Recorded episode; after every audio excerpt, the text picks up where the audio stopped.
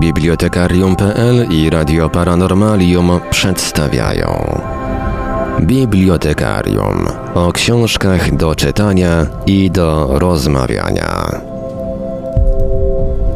Witajcie bardzo gorąco i serdecznie w Radio Paranormalium. Rozpoczynamy właśnie tutaj, właśnie teraz wyjątkowo taśmowy, ale jednak bibliotekarium to normalne. Liczymy oczywiście na komentarze, nie tylko na czatach, ale również w archiwum. Przy mikrofonie i za strojami technicznymi audycji jak zawsze Marek Sękiewelius, a po drugiej stronie połączenia internetowego są z nami jak zawsze gospodarze bibliotekarium Marek Żelkowski i Wiktor Żwikiewicz. Halo, halo Bydgoszcz. Halo, halo. Witamy. Dobry wieczór jesteśmy. Dzisiaj, e, jak to Wiktor pięknie ujął, będziemy rozmawiać o zjawisku kulturowym.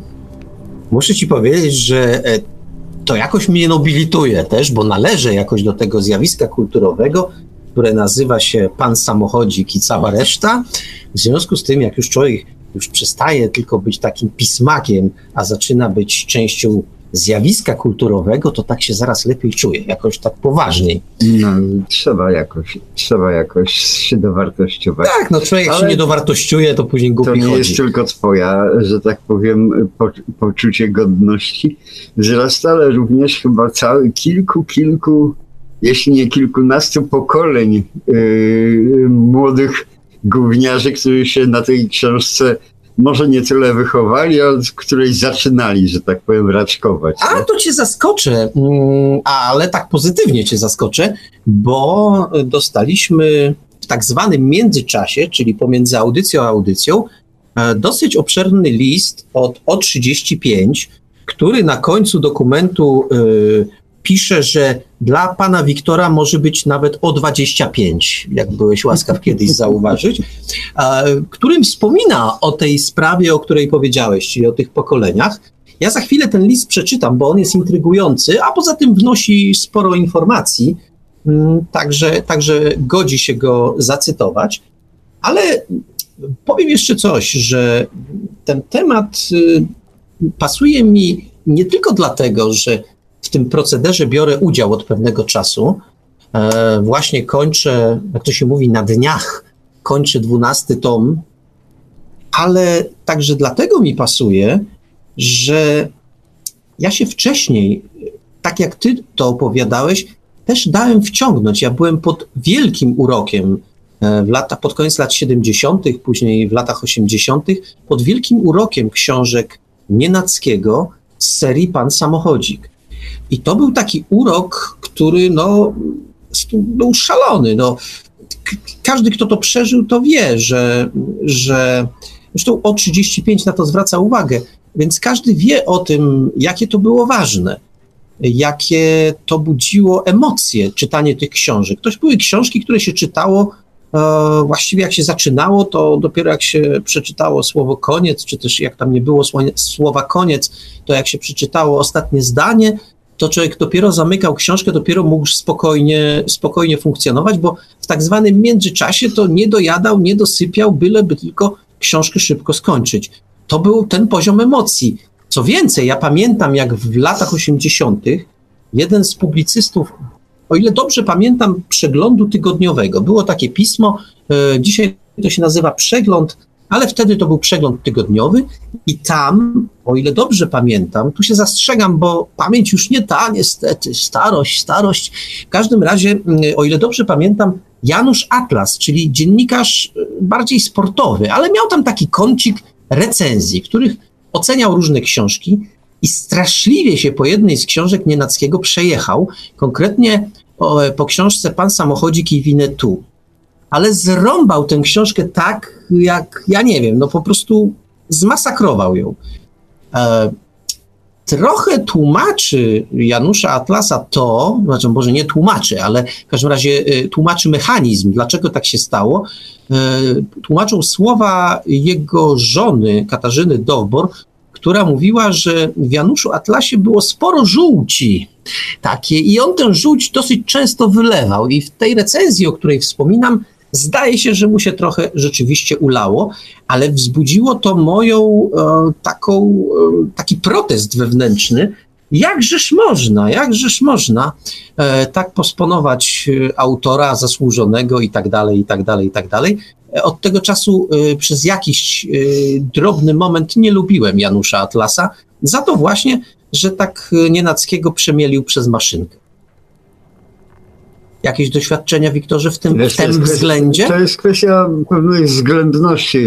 Oczywiście, że, że my przecież możemy przemielić wszystkie bajki, które żeśmy czytali jako dzieci. Nie? Mm. To żaden problem. Tylko, że pic polega na tym, że każde ziarno musi na swój czas trafić po prostu.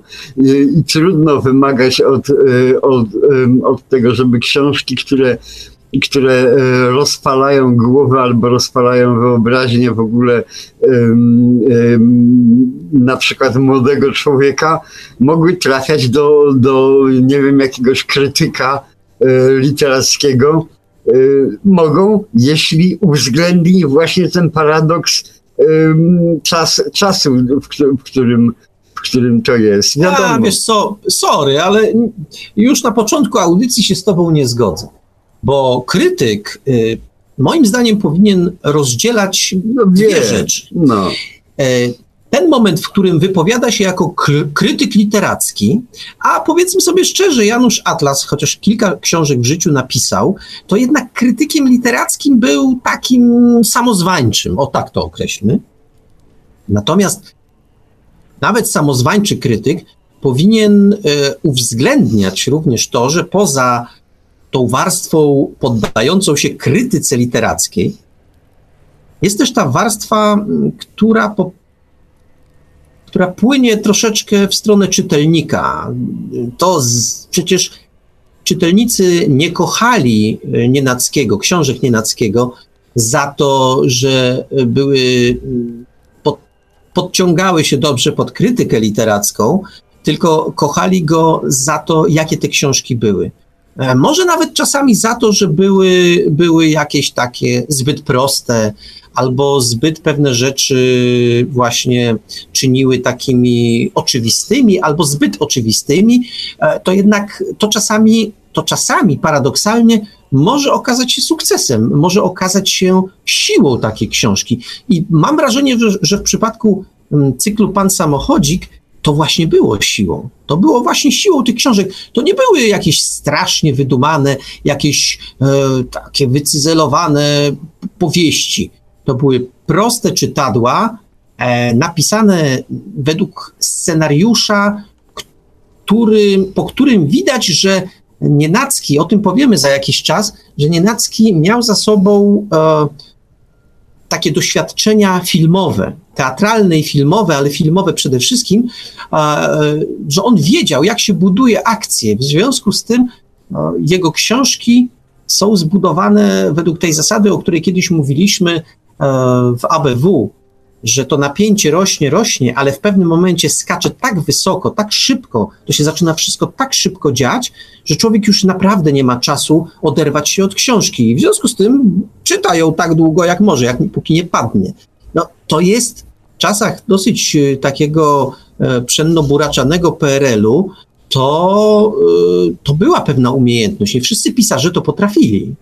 Tak, ale ja może zwrócę uwagę na takie mam przynajmniej skojarzenia, że mm, co do krytyki i tak dalej, że mm, są takie wynalazki jak zabawki dla dzieci na przykład, nie? No i krytyk oczywiście i każdy właściwie kulturoznawca może naprawdę znęcać się nad taką Barbie, nie? Że to idiotka, że, że czegoś takiego nie może być, że w ogóle to chodzić prawie nie może, ani siedzieć, ani w ogóle myśleć, ani już cokolwiek. Tym niemniej nie może odmówić faktu, tego, tego właśnie faktu kulturowego, że, że coś takiego jak Barbie albo inne zabawki, jakiekolwiek jakiś kotek z myszką czy bałwanek po prostu zaj, zaje, zajmują poczesne miejsce w rozwoju naszej, e, nasze, naszej e, społeczności ludzkiej na, na tej ziemi. Bez nich po prostu nie byłoby tych późniejszych dziewczyn ani facetów, nie? Którzy, którzy tą twardą kulturę tworzą. I tak, tak samo to, to, co jest, że tak powiem, w zabawkach, literatura to są również to są zabawki przecież, szczególnie młodzieżowa literatura. Ona coś przenosi, czegoś uczy, ale przede wszystkim jest zabawą, żeby tą naukę przemyślić przez zabawę, nie? No Jak... tak, ale wiesz, no bardzo dobrze, bo przecież y, dzieci w pierwszej klasie nie uczy się y, od razu czytać na tekstach Mickiewicza, Dostojewskiego czy jakichś innych Joyce'a, tak. tak, tuzów literatury, tylko uczy się prostych zdań. No, kiedyś to była Ala Makota, co jest dzisiaj nie wiem, ale y, to jednak zaczynamy od czegoś prostego ale nie prostackiego. I to ten warunek również y, literatura tworzona przez Nienackiego, a konkretnie cykl o panu samochodziku spełnia, bo tak jak powiedziałem, y, to był facet, który wiedział po pierwsze, o co chodzi w budowaniu akcji, żeby to było trudno się od niej oderwać, to pierwsze. Drugie, te książki sprzedawały bardzo dużo informacji y, o historii, o pewnych tajemnicach historii, ale zamiast tak gadać i gadać, to ja przeczytam wspomniany już tekst o 35, bo on o wielu z tych spraw mówi. No to zaczynam. Na początku uprzedzam, będzie długo, a co za tym idzie, pewnie znajdziecie tu sporo głupot. To ja od razu powiem, wtrącę się, że tych głupot nie znaleźliśmy. E, jakoś tak się nie złożyło, więc możecie Państwo spokojnie, spokojnie słuchać tego, co będę czytał dalej. Jakbym napisał, że długo się zastanawiałem, jak zacząć komentarz do przyszłej audycji o panu samochodziku, to bym skłamał. I to bardzo mocno. Pierwsza myśl, jaka mi przyszła, gdy usłyszałem, co będzie następnym tematem bibliotekarium, to oczywiście nie książka, a serial Pan Samochodzik i Templariusze. Wielki przebój wakacyjnych teleferii z lat 80. ubiegłego wieku, w których to dorastałem. To ja od razu powiem, że y, ten serial y, to być może w 80 latach, kiedy o 35 dorastał, to był przebój, ale to był już przebój również w latach 70., bo został e, na początku lat 70. nakręcony. E, wtedy Nienacki walczy, przepraszam, wtedy odtwórca głównej roli, Mikulski, walczył o to, żeby jakoś wyciągnąć się z roli Hansa Klossa, co się nie bardzo udało, ale tu była pewna szansa, tu była pewna szansa, żeby uciec. No, niestety, E, powstał tylko ten, ten jeden film e, z nim w roli głównej. Wcześniej, owszem, był jeszcze jeden film, ale oddajmy głos e, o 35.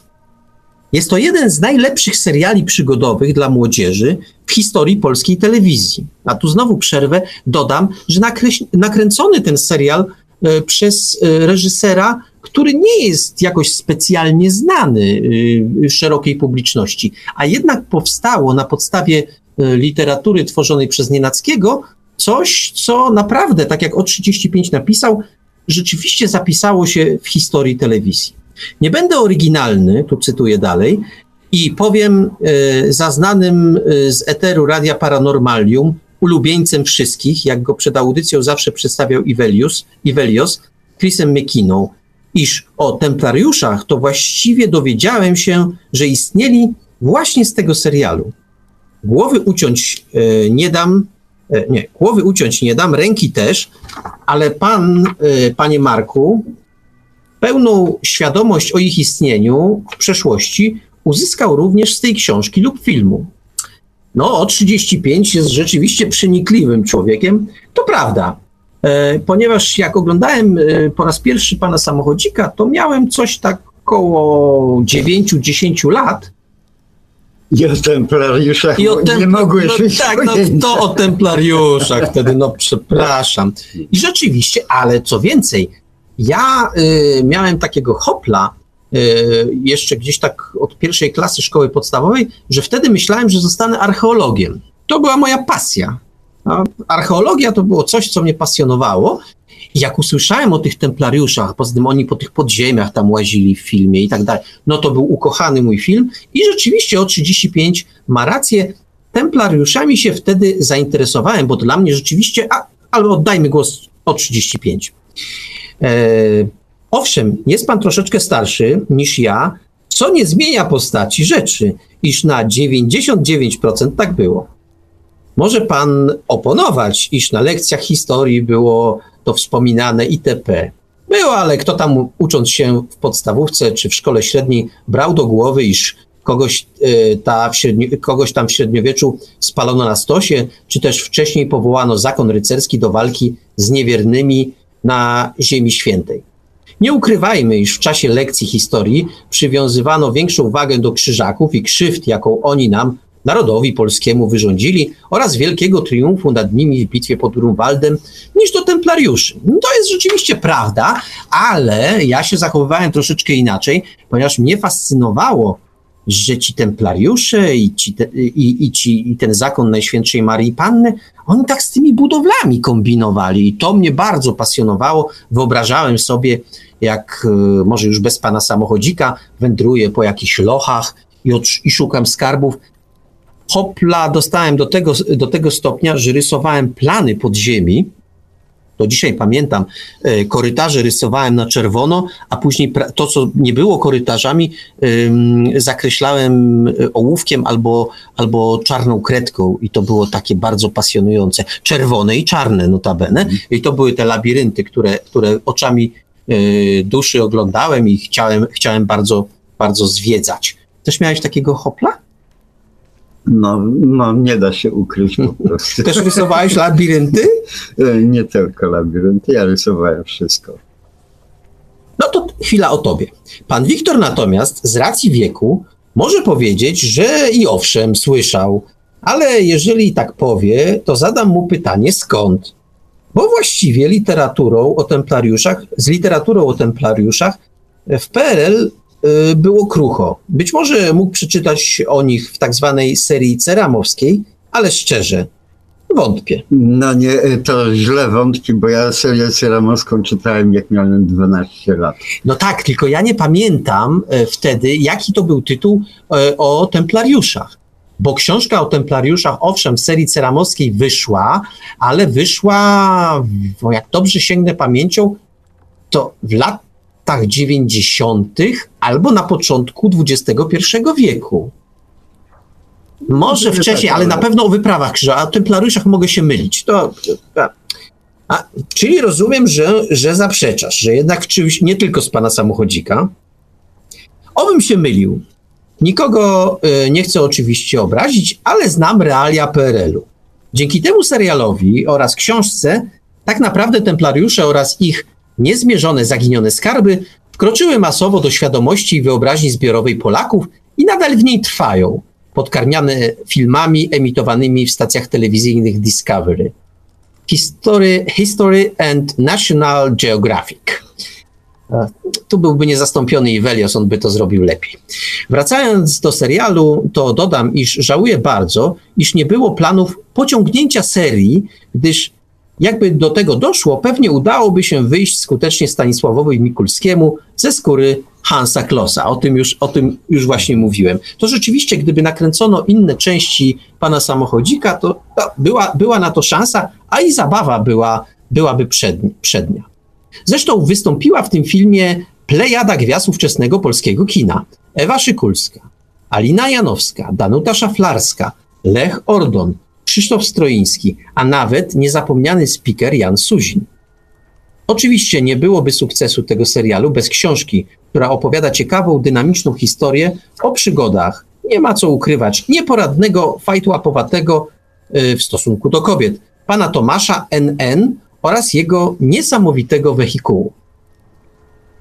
Kryjącego we wnętrznościach prawdziwą bestię, mianowicie silnik Ferrari 410 Super America, potrafiącego wyprzedzić każdy pojazd jeżdżący po ówczesnych polskich drogach, a w dodatku potrafiący pływać z niesamowitą szybkością po wodach rzek i jezior.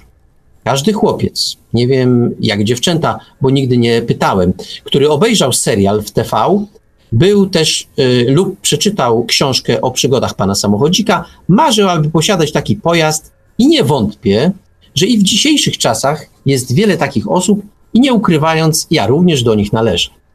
Zresztą nieporadność i fajtłapowatość w stosunku do płci przeciwnej pomogła większości, czy, y, większości czytelników płci męskiej utożsamić się z bohaterem, bo większość nastolatków to odważni w stosunku do płci przeciwnej y, jest tylko w swoich opowieściach snuty kolegą.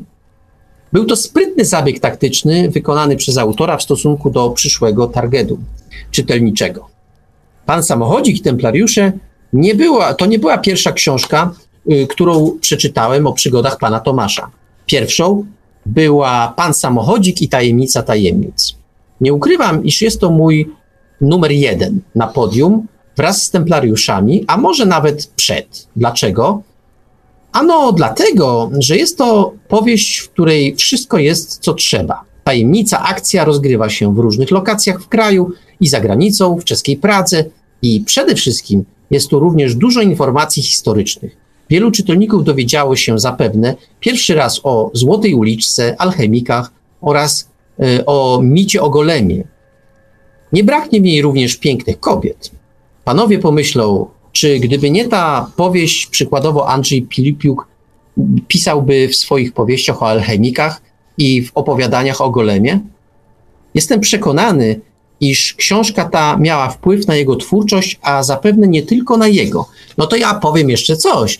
E, Andrzej Pilipiuk, e, kiedy pisał samochodziki, bo napisał ich 19, e, jednego z tych jedną z tych książek poświęcił również alchemikom i właściwie od książki z serii, z cyklu Pan Samochodzik wzięły się później, wzięły się później te książki już od cyklu oderwane, kiedy pisał, pisał o właśnie o alchemikach. To tam się narodził ten alchemizm, który później, mm, o którym Pilipiuk później, e, mm, od którego się, od, znaczy oderwał się od, od samochodzika, a, alchemizm został. Ale zobacz, jak dziwnie te, te koligacje się mm, splatają. Otóż ty chciałeś być archeologiem. Ja przez 10 lat byłem archeologiem, a, Fili a jest z wykształcenia archeologiem. No, tak się jakoś to robi, widzisz, tak się jakoś to robi, że, że, że ludzie, że ludzie ciąg, ludzi ciągnie po prostu, określonych ludzi ciągnie w określoną, no. w określoną stronę. E, czytam dalej. Nie, nie, brak w niej również tajnych organizacji, to w książce, w postaci różokrzyżowców. Następną powieścią y, w kolejności, którą lubię, może jest to jednak złe słowo i powinienem napisać czuję sentyment, jest Wyspa Złoczyńców. Jest to powieść, w której wszystko się, od, y, y, w której wszystko się zaczyna i daje prawdziwy przedsmak tego, co przeczytamy w następnych tomach przygód. Tu y, wspomnę tylko, że kiedyś się zaczynało. Teraz wygląda to troszeczkę inaczej, ale o tym, o tym później. E, została ona zresztą zekranizowana przez Stanisława Jędrykę, a w roli głównej wystąpił Jan Machulski, który obok Stanisława Mikulskiego moim zdaniem jedynie poradził sobie z rolą Tomasza NN. Niestety o następnych ekranizacjach Pan Samochodzik i Niesamowity Dwór, Pan Samochodzik i Praskie Tajemnice oraz Latające Machiny kontra Pan Samochodzik nie mam dobrego zdania. Dlaczego? A, no dlatego, że według mnie główny bohater w tych filmach został pokazany właściwie jako ekscentryczny pajac. Piszący scenariusze może nie potrafili się odnaleźć e, w swojej roli, czy też reżyserzy mieli swoje wizje pana Tomasza. Być może po prostu nietrafieni aktorzy w tych rolach. Następną książką z serii, którą darzę sentymentem, to właściwie ostatnia kompletna książka napisana przez Zbigniewa Nienackiego, czyli Pan Samochodzik i Człowiek z UFO. Ja tylko wspomnę, tak dla porządku, to się y, za życia Nienackiego rzeczywiście nazywało Pan Samochodzik, Człowiek z UFO. Teraz y, tytuł został zmieniony. To jest Pan Samochodzik i Nieśmiertelny, co wydaje mi się akurat dobrym zabiegiem, bo tam z UFO to nie było wiele wspólnego, natomiast Nieśmiertelny jakoś pasuje moim zdaniem lepiej. E, I tutaj o 35. Dlaczego? Dlaczego e, ta książka tak mi się podobała? A no dlatego, że jest to powieść inna niż wszystkie. Czytałem ją dosyć dawno, ale odczuwa się tu, iż do pana Tomasza NN zbliża się starość. No i ze względu na lokację akcji brak jest jego wehikułu. Wybaczą Państwo, y, iż nie będę pisał o innych książkach oraz y, to, że nie starałem się pisać o treści wymienionych książek, gdyż uważam, że jest jeszcze wielu słuchaczy radia, którzy ich nie czytali. My też podzielamy ten pogląd. E, ja kończąc czytać kolejny tom przygód pana samochodzika, zawsze miałem jedno tylko uczucie, a mianowicie żalu, iż jest to już koniec tej przygody. Myślę, że to, co teraz napisałem e, w tym zdaniu, krótko opisuje fenomen pana samochodzika, polegający na tym, iż wydano już ponad 150 tomów jego przygód, z czego ponad 90% po śmierci autora. Wprawdzie pan Tomasz N.N. występuje chyba w niecałych 20 tomach, w większości następnych brak cudownego wehikułu, do którego później wrócono, ale czy to ma znaczenie? E, rzeczywiście był taki, był tak, było tak, że przez jakiś czas e, wehikuł został zastąpiony e, nowoczesnym, nowoczesnym pojazdem, no ale rzeczywiście wrócono później, wrócono później do wehikułu. Ale jedna rzecz tak nie do końca, bo Tomasz NN występował w samochodzikach do 100 któregoś tomu, ja teraz nie pomnę, 103 czy 106, on się tam pojawiał. Czasami epizodycznie, czasami, e, czasami mniej epizodycznie. Jeszcze ja się załapałem, to znaczy e, w moich e, dwóch albo trzech książkach Tomasz NN występował.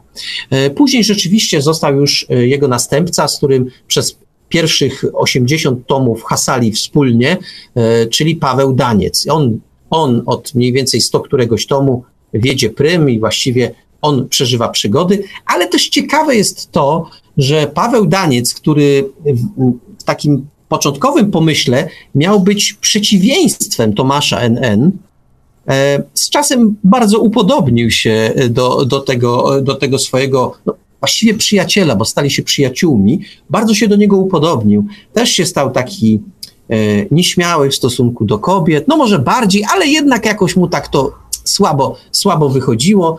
Inne cechy też miał podobne. Może był bardziej sprawny y, w sensie takim fizycznym, no bo w końcu y, gdzieś tam w młodości y, kończył nie tylko historię sztuki, bo takie studia kończył Paweł, Paweł Daniec, ale też służył czerwonych beretach. No to już mamy takiego połączenie, połączenie troszeczkę Rambo z... Właściwie taka postać została wymyślona wcześniej, bo kimżeż był Indiana Jones? z jednej strony archeolog, naukowiec, z drugiej strony potrafił się strzelać i bić się też potrafił, czyli tak jak powtarzam to często, jak mówi Paweł Majka, jak się strzelają, to jest dobrze i tak mniej więcej y, u pana, u pana samochodzika było. Y, czytam dalej. Nie będę y, się rozpisywał o życiorysie autora Zbigniewa Nienackiego, bo wiem, że panowie Wiktor i Marek zrobią to lepiej. E, nie mogę go ocenić, ale na koniec napiszę, iż jednej rzeczy nie mogę wybaczyć panu samochodzikowi oraz autorowi. Obaj byli ormowcami. Mam, jak wielu ludzi w moim wieku, osobisty negatywny stosunek do członków tej organizacji. Wprawdzie w późniejszych wydaniach usunięto to, e, ale jednak był ormowcem. Jest to naprawdę wielka skaza. Na tym kończę. Pozdrawiam wszystkich o 35 i tu uwaga dla Wiktora. Dla pana Wiktora mogłem być o 25. To list, e, to list o 35. E, dużo ciekawych rzeczy nasz, nasz słuchacz poruszył, bo to rzeczywiście z takich sporo, sporo takich czułych momentów dotknął. Zacznijmy od tego ormowca. To może z tym ormowcem? No niestety, życie jest życie, a pewna skaza czasu, czyli, że tak powiem, no trudno. Ktoś się urodził w epoce napoleońskiej. A pan samochodzik się urodził w epoce Ormo. Po prostu. Co, ale powiem ci tak, i tu się zaczyna jedna z tajemnic, których nie rozwikłałem. Otóż e, no, nie ukrywajmy, że y, książki pisane, że tego to nie trudno ukryć. Y, książki pisane są w pierwszej osobie i zapewne bohater, bohater cyklu pisanego przez Nienackiego był w jakimś tam stopniu jego alter ego. To znaczy, a może nie tak, może to było po prostu y, pokazanie, jaki by chciał być Nienacki. E, Tu warto wspomnieć, że Zbigniew Nienacki to właściwie pseudonim jest. Tak naprawdę e, autor książek nazywał się Zbigniew Tomasz Nowicki. Tomasz, zaznaczam, mhm. Tomasz. I N, Nowicki. Mhm. Tam był Tomasz NN, no nie, Nowicki, Nienacki mhm. może na przykład. Tak można by to spróbować rozszyfrować. W każdym razie, ale dlaczego... Dla, zacząłem... E, to, to, to, powiedzmy troszeczkę o życiorysie Nienackiego, bo on jest bardzo, bardzo ciekawy. To był, to był człowiek, który urodził, urodził się e, no, stosunkowo dawno, bo w 1929 roku zmarł w 1994. Ale kiedy mówię o ciekawym życiorysie, to chcę wspomnieć o tym, że no, lata wojny, wojny pomińmy, no bo było jak było. Ale to był facet, który y, zadebiutował jak miał 17 lat. Napisał książkę, właściwie swoją pierwszą powieść, chociaż później nie chciał o niej pamiętać, ale napisał swoją pierwszą powieść, taką powieść dla młodzieży, Związek Poszukiwaczy Skarbów. Ona była drukowana w odcinkach y, w tygodniku, a w każdym razie, w, każdym razie w jakimś, w jakimś ty, powojennym tygodniku był rok 46. A młody Nienacki się kształcił oczywiście i jego ciągnęło, on gdzieś tam pracował, ale ciągnęło go, ciągnęło go do, do kariery filmowej. I co więcej, e, on e, dostał się do szkoły, dostał się do szkoły filmowej, e, co więcej, on później przeskoczył do szkoły w Moskwie. Studiował jakąś tam, jakąś tam, jak to się mówi, specjalność filmową w Moskwie ale nie jest tak prosto, bo się zdarzyła rzecz, która mogła się w tych czasach, w których to było, bo po, przypo, przypomnę to przełom lat 40. i 50., to się mogło bardzo źle skończyć. Bo Nienacki e, został wydalony ze studiów w Moskwie. Mm, dosyć enigmatycznie to ujęto za działania czy działalność e, godzącą w stalinizm no to wiesz, w tamtych czasach to nie było e, tak hop-hop. Co więcej, jak wrócił, nie tylko go wywalili ze studiów w Moskwie, ale tutaj w Polsce mm, również dostał wilczy bilet, więc się na studia nie mógł do filmówki dostać. E, co więcej, przerwano druk jakiejś tam kole, jakiegoś kolejnego jego utworu w kolejnej, w, w jakiejś tam gazecie, więc ogólnie miał przechlapane ale jakoś tam widać udało się to załagodzić. No więc początek był słaby i tak naprawdę jak e, dostał Bęcki od, e, dostał Bęcki od tego ustroju, ale później ustrój go przytulił. On zaczął, zaczął być dziennikarzem, zaczął pisać pierwsze książki. Ja już nie będę chodził, e, wchodził szczegółowo w ten, w ten życiorys, bo jak ktoś będzie chętny, to wystarczy sobie internet otworzy i sobie szczegółowy życiorys Nienackiego znajdzie. Natomiast y, ja dotknę tych punktów, które wydają mi się dziwne. Otóż oberwał od, od ustroju, y, cały czas tam go w stronę filmówki ciągnęło, zresztą później pisywał również scenariusze teatralne. E, wiem, że próbował dostać się ponownie do szkoły filmowej i to się nie udało, czyli coś tam się za nim ciągnęło, no ale pracował w gazetach, w różnych działach tych gazet i e, zadebiut, zadebiutował e, z samochodzikiem w latach 60. Przeskoczmy na razie, bo na razie nie będzie o samochodziku. Co więcej, mm, ten jego samochodzik był takim trochę e, outsiderem, takim człowiekiem, który nie do końca, trochę to dziwnie brzmi, bo z jednej strony był ormowcem, a z drugiej strony tak nie do końca się wpisywał. No, to chyba też był zabieg literacki tak naprawdę bo y, kiedy ogłoszono stan wojenny, to y, Nienacki w lokalnej prasie pisywał e, peany pochwalne, jak to fajnie się stało, że ten, że ten stan wojenny y, ogłoszono. E, jakoś tak się zachowywał, no nie wiem jak to określić, nie chciałbym być zbyt brutalny, ale mógł sobie darować, mówiąc szczerze, te, te, te, te różne. Ale stąd się też bierze to takie jego no, takie jego, te, te, jego ormowskie zachowania, no, te jego wstawianie tego ormowca. On był też, poza tym, że był ormowcem, tak jak napisał o 35, to on był społecznym inspektorem ruchu, co pozwalało mu później ścigać tych wszystkich przekraczających prędkość, e, nawet im mandaty wypisywać, bo to w PRL-u taki społeczny inspektor ruchu mógł robić. E, no może to poczucie władzy, no to różne rzeczy czasami za człowiekiem stoją. W każdym razie, zobacz, e, troszeczkę jak u wielkiego brata. Najpierw wielki brat go złamał, wyrzucił go ze studiów, przeczołgał, a później dał mu żyć. I on był temu wielkiemu bratu wdzięczny za to. Znaczy, wiesz, nie wiem, czy wdzięczność, ale jest w Piśmie Świętym coś takiego, yy, yy, takie twierdzenie, oddać Bogu co boskie, a cesarzowi co cesarskie po prostu. No niestety, yy, trzeba pewne, żeby móc żyć, trzeba pewne długi spłacić. Ja pan, przypominam sobie, jeśli chcesz żyć, jeśli chcesz cokolwiek robić, to, to nie jest kwestia złamania, ale mm, pewnego, pewnego ustąpienia. Pójścia na kompromis. Pójścia no tak, na, tak. na, pewien kompromis. Ja, ja przypominam sobie, z, może ja tam nie chodziłem na kompromisy, natomiast przypominam sobie rozmowę z moimi przyjaciółmi, profesorami od filozofii jeden z takich moich przyjaciół naprawdę dobrych, strasznie ubolewa nad tym do dnia dzisiejszego, że komuna nie chciała mu dać profesora e, i tak dalej, ale jego przyjaciele do tego profesora i doktora z filozofii zrobili. Dlaczego?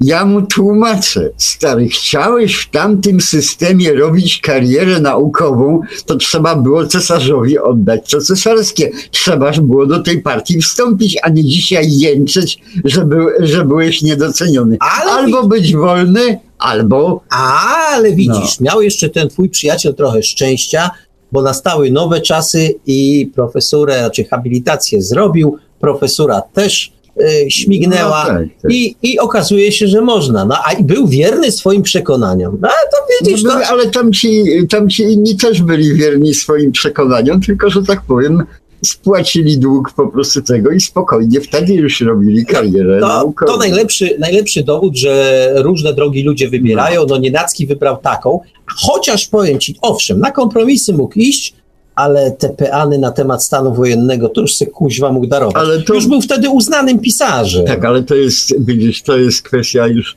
yy, czym skorupka za młodu nasiąknie pewien jeden kompromis, drugi kompromis, a potem na starość już wiem, patrzę sobie, na starość człowiek idiocieje przecież, nie? No i ja też tutaj bardzo często bredzę, nie? Wypowiadam rzeczy, które, które, które normalnie na zdrowy rozum bym nie, których bym nie powiedział, być może. Natomiast to jest coś takiego, że już taka, wiesz, jest w fizyce jest taka, taka, taka opcja jak bezwładność po prostu leci coś, leci coś, po prostu i ta bezładność pcha w tą stronę i bezładność życia również pcha w takie, w takie mm, rzeczy, które, które człowiek już nowoczesny może powiedzieć, że nie. Ale człowiek nowoczesny nie urodził się w tamtym czasie, nie żył w tamtym czasie i może mówić o swojej nowoczesności albo o, o czasie, no i tak dalej. Powiedzmy coś na temat cyklu. Bo kiedy czytałem list od O35, to mm, mowa była o tym, że pierwszą książką w cyklu Pan Samochodzik e, to była Wyspa Złoczyńców. I tak rzeczywiście przez długi, długi czas było. E, to ta, ta właśnie Wyspa Złoczyńców, e, którą w internecie Państwo znajdziecie również w postaci filmu, ze wspomnianym już Machulskim. Całkiem zgrabnie to nakręcony, czarno-biały film,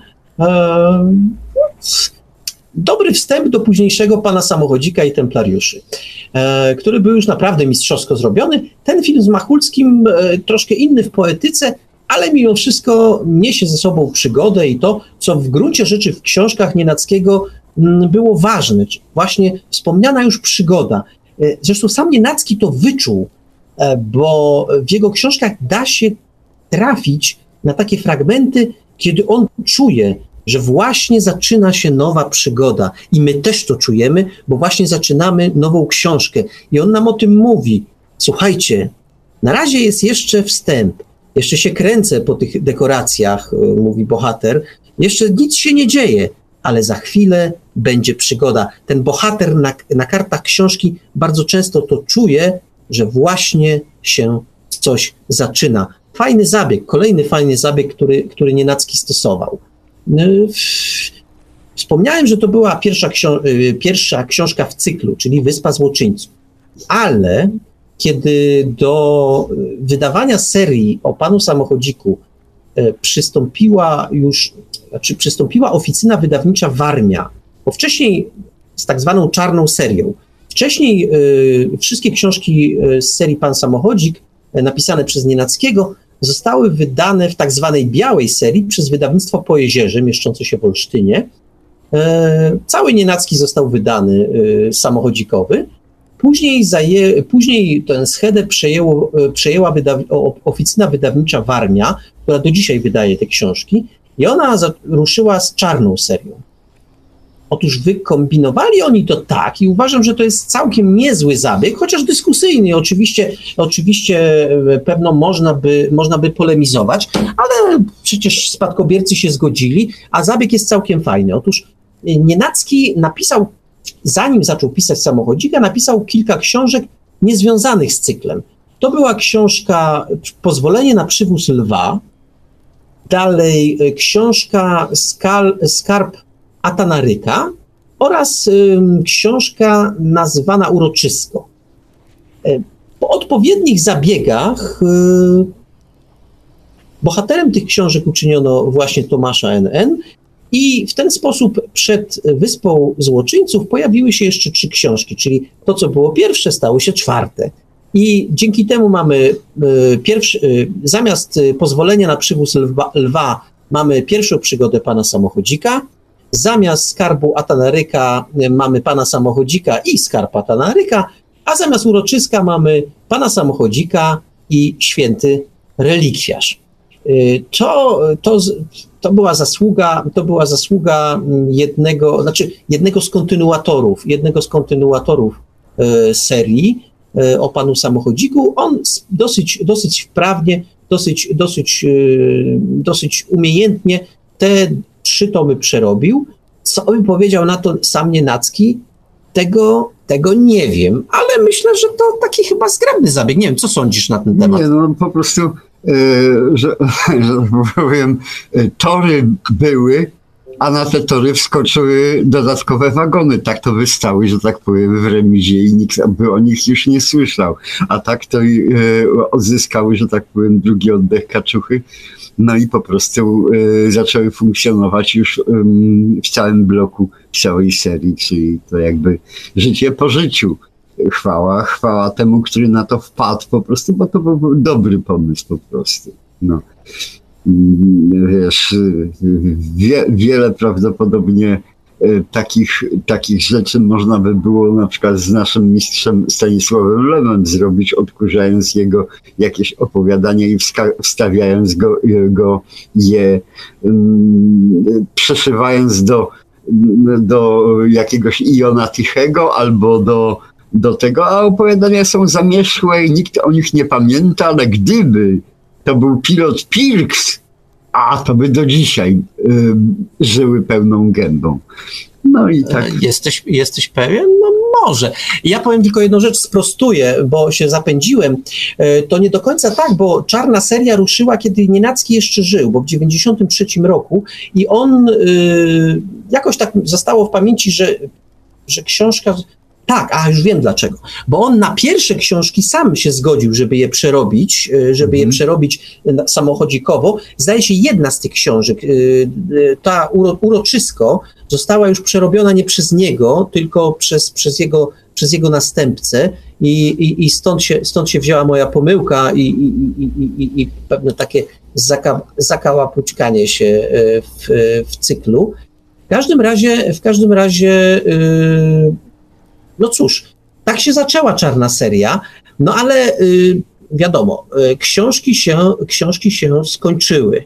To znaczy, y, w pewnym momencie, w pewnym momencie wyczerpano, wy, wyczerpano za, zasób i trzeba było, trzeba było sięgnąć po coś więcej. Tym bardziej, że zostały dwie książki po, y, po, y, po samym Nienackim niedokończone.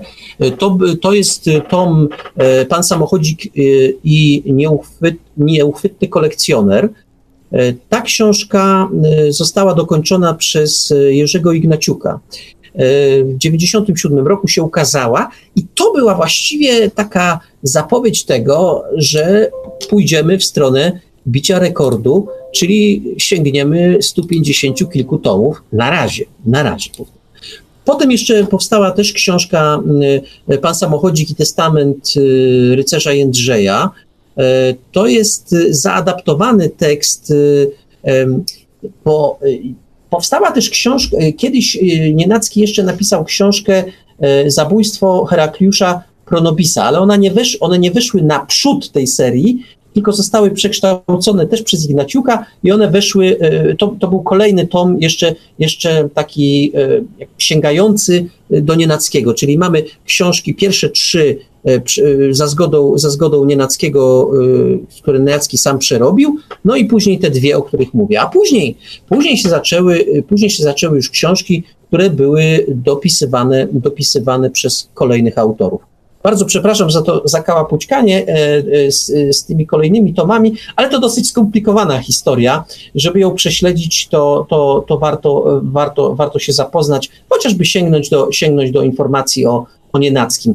W każdym razie warto, warto, warto pamiętać, w jaki sposób to się stało, że E, że już na początku seria o samochodziku spuchła, a później zaczęła puchnąć dosyć, dosyć konkretnie, bo się pojawili, pojawili nowi autorzy i tych autorów e, no, przybyło całkiem, całkiem sporo. Ja już, ja już wspomniałem o tym, że, że takim rekordzistą, zawsze uważałem, że to, że to rekordzista był, był Pilipiuk. No ale okazuje się, że tu po raz kolejny, po raz kolejny się myliłem, bo y, Filipiuk piszący pod pseudonimem Tomasz Olszakowski napisał 19 e, powieści. A na przykład Sebastian Mierzyński e, napisał 27 e, powieści z cyklu Pan Samochodzik. Był jeszcze Jerzy Szumski, czyli Jerzy, Jerzy Ignaciuk właśnie, bo pod tym pseudonimem pisał Jerzy Szumski. Napisał cztery powieści, to te, o których, te, te przeróbkowe między innymi, które wspominałem. Był jeszcze Arka, jest jeszcze Arkadiusz Niemirski, 16 powieści, Iga Karst, 3 powieści, Jacek Brus, dwie powieści, Józef Bury jako Józef Burniewicz, dwie powieści, Krzysztof Zagórski, dwie powieści, niejaki Marek, Marek Żelech, E, to pseudonim, wiadomo, to, ja nie znam gościa, 11 powieści, a właściwie już 12, bo, bo niedługo będzie gotowa. Maciek Horn, jedna powieść, e, Jakub Czarnik, e, pisujący także pod pseudonimem Jakub Czarny, 12 powieści, Andrzej Irski, czyli Ireneusz Sebastianowicz, 19 powieści, Paweł Wiliński, 9 powieści, Luiza Frosz, trzy powieści, Konrad y, Kusmirak, jedna powieść, Kamil Kozakowski, jedna powieść, Amos Oskar, Amos Oskar Eichel, jedna powieść, Bartłomiej Giziński, trzy powieści, Łukasz Supeł, dwie powieści, Grzegorz Szmat, Szmat tuła jedna powieść. No, już samo to wymienianie, mówiąc szczerze, mnie zmęczyło, a jakbym jeszcze teraz miał te 150 tytułów, no mniej troszeczkę, e, bo jeszcze trzeba te, e, te Nienackiego książki dodać, ale te, te tytuły wszystkie wymienić, to już naprawdę robi się spora lista, prawda? No zobacz, jak można, jak można się rozmnażać. Wiesz co, ale to tak jest, to jest... Ja już powiedziałem o tym wcześniej, że to jest swoista, swoisty fenomen, bo naprawdę nawet w historii takiej literackiej różnych krajów ciężko jest znaleźć tak długi cykl.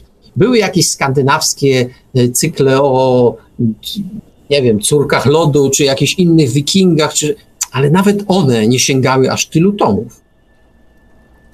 Pamiętasz, masz kojarzysz znaczy, wiesz, no my, my, mamy tą barierę y, tego tak zwanego horyzontu zdarzeń, że do nas dociera ta topowa yy, przez krytykę y, przekazywana nam historia literatury danych krajów. Ale czy ja wie, czy jesteś pewien, że w takiej Hiszpanii albo Portugalii ktoś nie dziergał też, że tak powiem, takich młodzieżowych powieści? No, podejrzewam, że chyba nie, bo to jednak trzeba mieć trzeba trafić na, na, tak, na takie, takie jądro krystalizacji, który, który, którym tutaj Ninackim rzeczywiście był, żeby od niego się, że tak powiem, ta lawinowa, łańcuchowa reakcja poszła na, na to.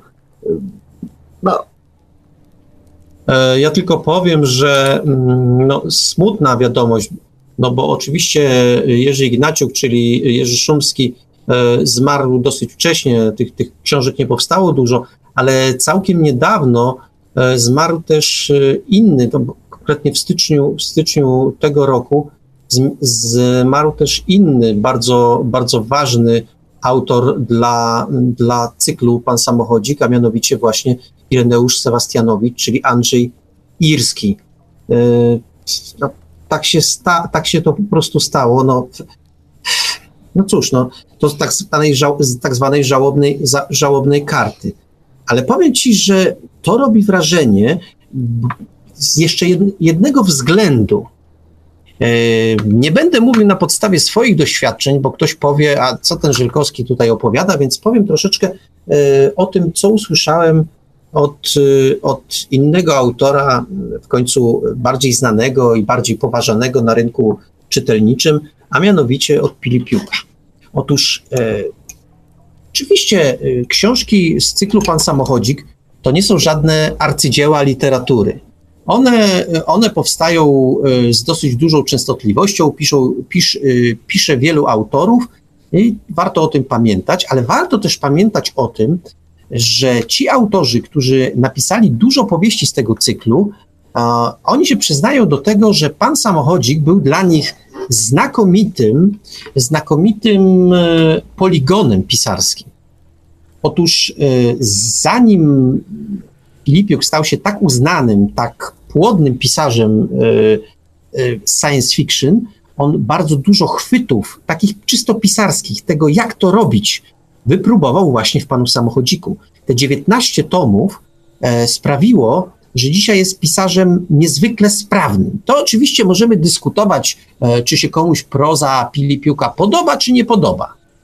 To pewno zdania będą różne, ale jednego nie możecie Państwo Pilipiukowi zarzucić, że nie umie pisać, że nie wie, jak się to robi. Myślę, że ktoś, kto by próbował, to by to by grzeszył po prostu. On naprawdę wie, jak poskładać to wszystko do kupy, jak to zrobić. I z innych relacji również wiem, że inni autorzy, którzy tych książek popełnili sporo, oni również wiedzieli dzięki rozpisaniu się. Bo pisarz ma coś takiego, że mm, musi najpierw pewne chwyty, pewne umiejętności przetrenować, musi to rozpisać, to później mu się inne rzeczy również lepiej pisze w historii nauki jest takie powiedzenie, daj, dajcie mi punkt oparcia, a poruszę, a poruszę proszę, ziemię, proszę, tak prawda? Tak jest. Otóż, e, otóż to jest bardzo podobne w historii każdego, każdego pisarza, szczególnie zaczynającego młodego człowieka, że potrzebny, potrzebny jest ten punkt oparcia. Y, ten, mm, to, ta odskocznia, od której jeszcze człowiek nie jest opierzony, jeszcze niespecjalnie wie sam, czego chce, jeszcze, y, jeszcze nie umie wielu rzeczy, a tutaj po prostu zwyczajnie znajduje punkt oparcia i y, to mu pozwala samego siebie wykreować w jakiś sposób, a potem już spróbować samemu, nie? Dowolnie sam, jeśli, jeśli tego. Ja wiem, że nigdy nie pisałem, nie załapałem się na tą falę, nie tego, zresztą byłem zupełnie w innym w innym, e, w, in, w innym e, wymiarze. No tak, ty w innych obszarach Ta, w innych latałeś, obszarach, tak, natomiast wiem, że gdybym wcześniej, zanim zacząłem pisać, e, trafił na taki nurt właśnie ja bym z dziką radością pisał taką historię, bo jeszcze wtedy nie umiałem pisać, jeszcze się wprawiałem, a tu nagle miałbym gotowe. Co gotowe? Język, fabułę, filozofię, historię jakąś, miałbym punkt oparcia i mógłbym troszeczkę pofantazjować, nie? O właśnie, no. i to jest, to jest y, clue tego, o czym chciałem powiedzieć. Otóż, proszę Państwa, kiedy jest się początkującym pisarzem, to historie e, cisną się do głowy same. Wymyślamy Pewnie, fabułę pewnie, po no, prostu na no, kopy. no. No ale książka nie składa się tylko i wyłącznie z fabuły. I to, co powiedział Wiktor przed chwilą, trzeba wy, jakby wykombinować cały świat, całe otoczenie, to, co ja nazywam dekoracjami. O tyle to jest w przypadku pana samochodzika prostsze. Mamy Dekoracje mamy, tak. Tak. jest. Wiemy, kim jest bohater. Notabene, proszę państwa, żeby nie popełnić żadnego takiego kiksu, to ja musiałem, e, dzięki oczywiście uprzejmości wyda wydawnictwa, oficyny wydawniczej Warmia, troszeczkę postudiować życiorys fikcyjny e, głównego bohatera, czyli Pawła Dańca. E, bo musiałem się dowiedzieć, iloma językami włada, jakie studia kończył, co go w życiu spotkało dobrego, złego e, i tak dalej, i tak dalej, bo cykl e, ma to do siebie, że jednak książka nie powinna, szczególnie taki realistyczny cykl, bo jak jeden odcinek Fertka Kiepskiego przeczy drugiemu odcinkowi Fertka Kiepskiego, to taka jest konwencja. Możemy się z tym bez problemu pogodzić. W jednym odcinku e, Arnold Boczek e, jest sierotą, a w drugim odcinku ma mamusię, braciszka i siostrę żarłocznych, a jeszcze kiedy indziej zupełnie sprawa inaczej wygląda. Natomiast w takim realistycznym cyklu, jakim jest Pan Samochodzik, to zdecydowanie trzeba zachowywać pewne ramy, w których się poruszamy. I proszę Państwa, bardzo dobrze, bo mamy pewne rzeczy. Wiemy, jakim jeździ samochodem, wiemy, jaki jest, jak się zachowuje, co czyta, co lubi, czego nie lubi. Chociaż, wiecie Państwo, e, natrafiłem na taki fragment e, w internecie, kiedy zwrócono uwagę, i ja to później jeszcze przeanalizowałem, przeglądając książki, zwrócono uwagę na to, że każdy z autorów, przynajmniej na początku tak było, każdy z tych autorów początkowych, więc na pewno, na pewno y, był to Pilipiuk, ale ci początkowi autorzy nadali głównemu bohaterowi swój rys. Paweł Daniec u Pilipiuka był troszeczkę inną osobą, u y, na przykład pozostałych autorów też był inny. To y, dobrze czy źle? Ja myślę, że to się mieściło w granicach, to znaczy y, czasami mamy różny humor i też się różnie zachowujemy, więc to się mieściło y, w tych granicach, ale wyraźnie widać, na co stawiał Pilipiuk, na co stawiali inni autorzy. I chwała mu. Y, Chwała, chwała im właściwie, bo dzięki temu to nie było nużące, nie było monotonne. Jak się udało, powiem szczerze, jak się udało nad takim cyklem 150, od- ponad 150 odcinkowym zapanować, o, no chylę czoła przed, przed wydawnictwem, bo musiało zapanować nad, nad temperamentem pisarskim wielu autorów. Ja pamiętam, kie- przy pierwszych dwóch tomach E, to był, e, zaczynałem od 93 tomu e, i później był 96. E, To przy pierwszych dwóch tomach mm, no, było sporo poprawek e, ze strony wydawnictwa i to były właśnie poprawki dotyczące mm, dekoracji kiedy gdzieś popełniałem błąd, oni sprawnie mnie prostowali. Tam było mniej poprawek natury takiej e, redakcyjnej, czy no, były oczywiście, jak zawsze, ale gro poprawek dotyczyło właśnie sprzeniewierzenia się historii, e, tej lokalnej historii pana samochodzika. No i to było poprawiane wziąłem sobie na ambit po pierwszych dwóch tomach. Ja po prostu rzeczywiście przestudiowałem. Przeczytałem dużo książek. Y, Myślę, że ponad połowę z tych 150 mam na koncie zaliczone. Ja oczywiście y, nie mówię o, y, tu nie wliczam, nie wliczam tych tomów kanonicznych, czyli autorstwa Nienackiego. E, Mówię o tych tomach później, o tych kontynuacjach. Większość z nich przeczytałem, ale to mi dało też właśnie pewną swobodę w poruszaniu się w życiorysie i w pewnych umiejętnościach głównego bohatera, czyli Pawła Dańca już w tej, w tej chwili, no to myślę, to myślę warto sobie wziąć do serca, ale też uwierzcie mi Państwo, że pisać z gotowymi dekoracjami oraz w pierwszej osobie, bo to jest bardzo ważne. To są książki, wszystkie z tych książek pisane są w pierwszej osobie. Oczywiście, sam próbowałem e, troszeczkę to zmienić. mm, pewne zabiegi, nie tylko zresztą ja, bo inni autorzy też próbowali troszeczkę od tej formuły pierwszej oso pierwszoosobowej odejść, ale no, nie można tego było zrobić na 100%, więc pewne zabiegi były stosowane, ale to sobie już musicie Państwo e, odszukać jak. No i, i, i to chyba bardzo dobrze. Za chwilę po, po felietonie, który za chwileczkę, e, powiemy o ciekawostce e, związanej z Wiktorem Żwikiewiczem, bo Wiktor Żwikiewicz co prawda co prawda samochodzików nie pisał, ale coś wspólnego z samochodzikami ma.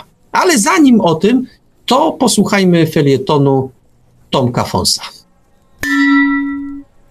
Opowieść o cykliczności. Jedną z podstawowych potrzeb człowieka jest potrzeba poczucia bezpieczeństwa. Bezpieczeństwo budujemy pewnej stałości, przewidywalności. Lubimy to, co znamy, lubimy poruszać się e, w środowisku, które dobrze rozumiemy, wykonywać rzeczy powtarzalne.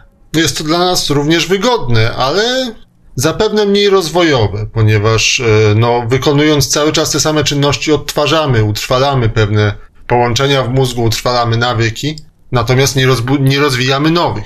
Z kolei rozwijanie nowych nawyków, podejmowanie nowych czynności, szukanie innych schematów wiąże się z pewnym wysiłkiem, z wysiłkiem, który bywa nieprzyjemny, dlatego też bardzo często wielu ludzi źle znosi zmiany, chciałoby, aby cały czas wszystko wyglądało tak samo, aby świat się nie zmieniał, a wszystko co nowe postrzegają jako gorsze, niebezpieczne, ryzykowne i niewątpliwie dążące do zagłady. Krąży po popkulturze już co najmniej od y, kilkunastu, kilkudziesięciu lat takie powiedzenie przypisywane ostatnio Einsteinowi, ale mam duże co do tego autorstwa wątpliwości. Powiedzenie mianowicie, że jedną z oznak szaleństwa jest y, robienie cały czas tych samych rzeczy, licząc na inny rezultat. Czyli mamy taką sugestię, że jeżeli będziemy robić cały czas to samo, to to samo otrzymamy. To jest racjonalne. Też, proszę Państwa, nie do końca, zwłaszcza jeżeli mówimy o obcowaniu z kulturą, ponieważ jedno z podstawowych praw psychologii, psychofizyki mówi, że jeżeli do umysłu, do człowieka będzie docierać cały czas ten sam bodziec z tą samą intensywnością, to stopniowo otrzymamy coraz słabszą reakcję. My się po prostu przyzwyczajamy. Robienie w kółko tego samego coraz mniej nas stymuluje. Nie można zatem czytać w kółko tej samej książki, oglądać w kółko tego samego filmu i licząc, że cały czas będzie on nas w ten sam sposób y, stymulował. Ten film albo ta książka stymulowała. Y, każde kolejne no, zapoznanie się z tym samym dziełem rodzi pewną wtórność, rodzi pewne znudzenie, rodzi, no jak piękne by to nie było, jednak z czasem tej odczuwanej radości jest mniej. I tutaj przychodzą nam na ratunek seriale, serie, dzieła o tej samej tematyce, z tym samym bohaterem, oparte na nowych wątkach, na przekazywaniu historii podobnych, ale jednak różnych, jednak w jakiś sposób co rusz to na nowo dostarczających nam pobudzenia, doznań intelektualnych, doznań poznawczych, przyjemności takiej samej, ale troszeczkę inaczej. No i to jest jakiś kompromis. Możemy oto żyć w świecie, zanurzać się w naszym poczuciu bezpieczeństwa i cały czas na nowo tę samą rzeczywistość, tę samą historię poznawać w różnym ujęciu, w różnym autorstwie, w różnych wątkach.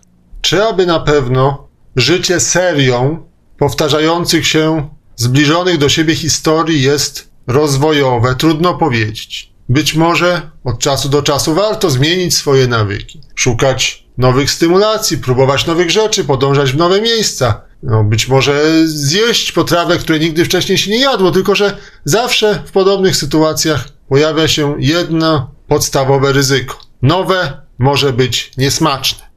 Na zakończenie, aby dojść z tym felietonem do jakiejś rozsądnej objętości, pozwolę sobie jeszcze przywołać rymowankę. Utwór inspirowany disneyowskim filmem Maleficent, to po polsku zdaje się była czarownica. No i też utwór ten jest jakąś tam y, moją z kolei formą protestu czy niezgody na zmiany zachodzące w coraz bardziej otaczającej nas rzeczywistości. Czarownica. Dziś w popkulturowe strony pójdą rymowanki słowa Widzu, czuj się uprzedzony, będę spoilerował. Diabolinę, drogie dzieci, gra nam Anielica Jolie. Lustereczko, powiedz przecie, jakież to true story. Łączy ją, rzecz oczywista, z chłopem miłość piękna, szczera, ale taka na pół gwizdka. Ważniejsza kariera. Chłop, by króla przejąć mienie, pozbawił ją lotnych kończyn. Skoro jednak ma sumienie, mordu nie dokończy. Wiedźma królewnę przeklina, lecz też serce mięknie babie. Miał królewicz być na finał, kochał jeszcze słabiej. By widz do nowego przywykł, wiedźma cmoka się z królewną. I to koniec jest. Szczęśliwy. Czy aby na pewno? Tyle Tomek Fons.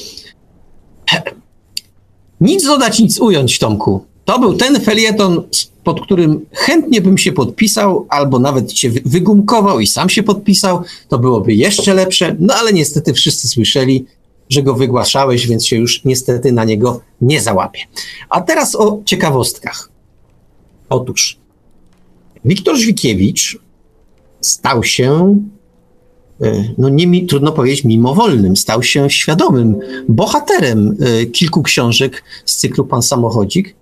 E, nie ukrywam, że za moją to, za moją to sprawą po prostu doszedłem do wniosku, że taka postać jak Wiktor świetnie się do dekoracji samochodzikowych nadaje. I tak Wiktor trafił, e, trafił do samochodzika. Jak ci się tam żyło no, na kartach?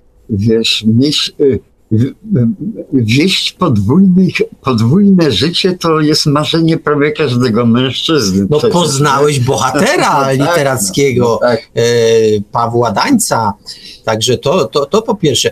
Notabene, ja mam jakoś taki, mm, taki e, jak to powiedzieć, jakąś taką pewno skazę, skazą by należało określić, że ja w ogóle, to znowu jest przejaw e, pewno pewnego wygodnictwa, ale ja lubię wstawiać do, e, do panów samochodzików swoich znajomych. E, Wiktor, Wiktor nie, był, nie był jedynym, jedyną osobą, którą do, do, tego, do tego cyklu wstawiłem. Pojawia się tam również Wojciech Chudziński, zastępca redaktora naczelnego czasopisma Nieznany Świat. On tam również, y, również trafił. No wiesz, tak jak mówisz o tym, y, co ty tam wykonałeś, to mm, wracając do tej całej mm, tego problemu twojego, w jaki sposób tą serię dało się zdyscyplinować i w jaki sposób ona tego kręgosłupa się trzyma przed przez tyle lat i przez tyle, tyle, tyle powieści, to może ja się odniosę do, do jako obserwator, a nie uczestnik do końca, jako obserwator trochę do tego warsztatu, warsztatu twórców, którzy pisali te książki. E, nie znam wszystkich, bo trudno ich, trudno. trudno ich poznać trudno. wszystkich. Natomiast podejrzewam, że, że pewne właściwości charaktery, charakterów wy, wyniesione od tego, że tak powiem, zapożyczone od tego pana samochodzika, od Nienackiego, mogą być właściwością wszystkich tych twórców. Opowiem wam y, o tym, jak kiedyś, y, zupełnie przypadkiem, ale to w czasach, kiedy, że tak powiem, się pojawiłem w tej serii jako, jako, jaka tam, jako, jako ta persona non grata jakaś e, e, u Żelecha.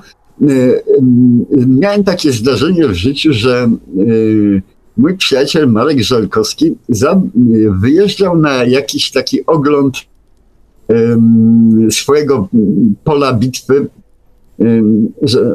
jakby nie było, żeby tą bitwę pod Grunwaldem stoczyć, trzeba było najpierw to pole bitwy obejrzeć. Ja nie? tylko rzucę garść faktów. No. E, pojechaliśmy z Wiktorem, e, rzeczywiście jechałem zbierać materiał taki faktograficzny, jechałem do e, Grudziądza.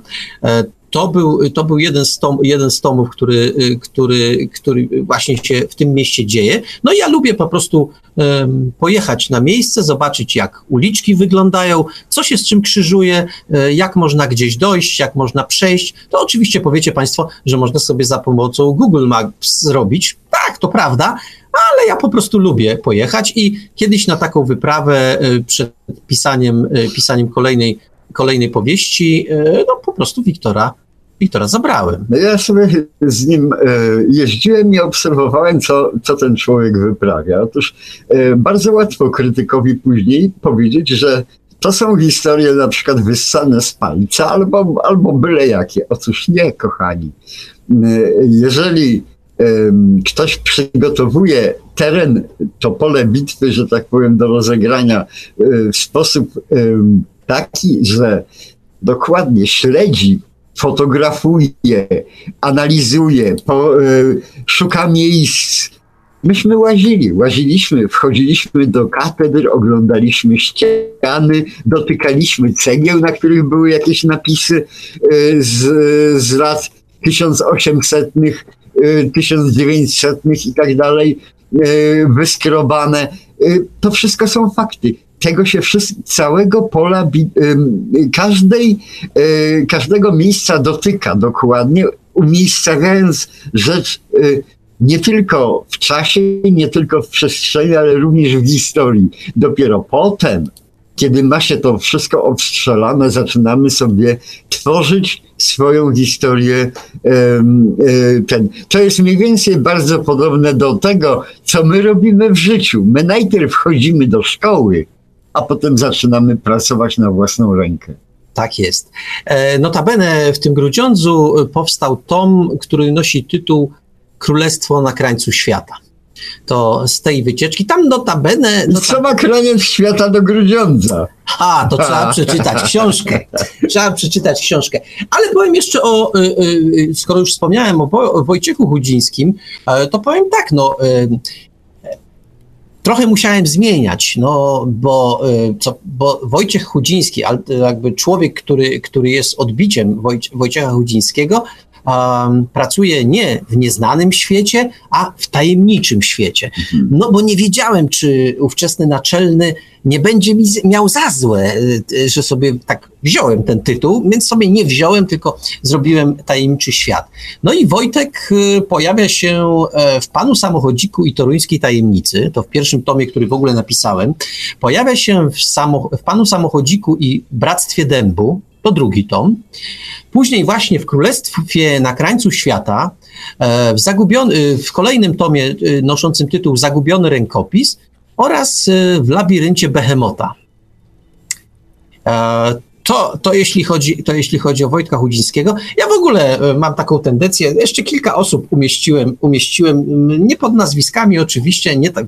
Wiktor Żwikiewicz jest jedyny, który występuje pod własnym nazwiskiem w, tych, w tychże tomach. Pozostali, jakoś ich tak kamuflowałem, nie chciałem, żeby mnie później, żeby mi później um, mówili, że ich tam obsmarowałem Także tak jak. No ale sobie... wiesz, e, tak my sobie mówimy o tym, co ty robiłeś, ale e, ja zadam pytanie, a ktokolwiek może zaręczyć, że Filipiuk e, tego nie robił?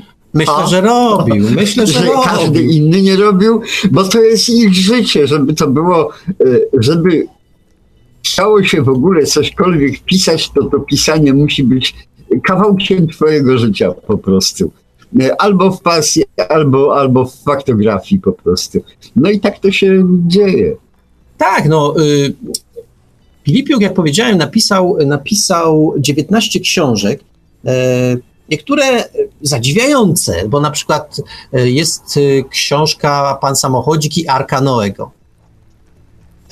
No, wydawać by się mogło, jak Arka, no ale o czym, no o czym, proszę. Bardzo ciekawą historię przedstawia co wcale nie oznacza, że główny bohater e, naprawdę odkrył Arkę Noego. No Ale tak. też e, jakby mylił, myliłby się ten, który by sądził po moich słowach, że Arka Noego tam się nie pojawia.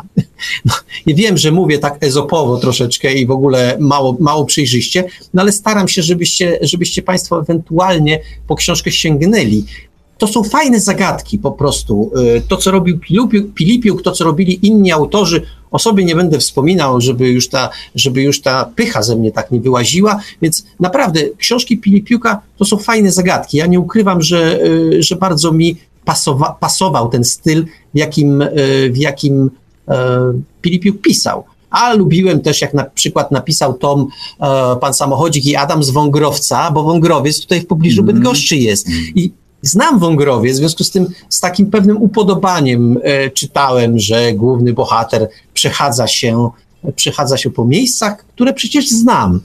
I wtedy odkryłem, że to jest właśnie fajne, kiedy się pisze o tym, co się zna, co się wie. No i dlatego kilka, kilka tomów, y, no nie przesadzajmy, nie aż tak dużo, ale przynajmniej dwa, trzy tomy dzieją się w Bydgoszczy, przynajmniej częściowo. A Przynajmniej częściowo. Ty widzisz, e, tak mimochodem zachęcasz e, słuchaczy, żeby do tych książek sięgnęli. Ja mam inną e, propozycję.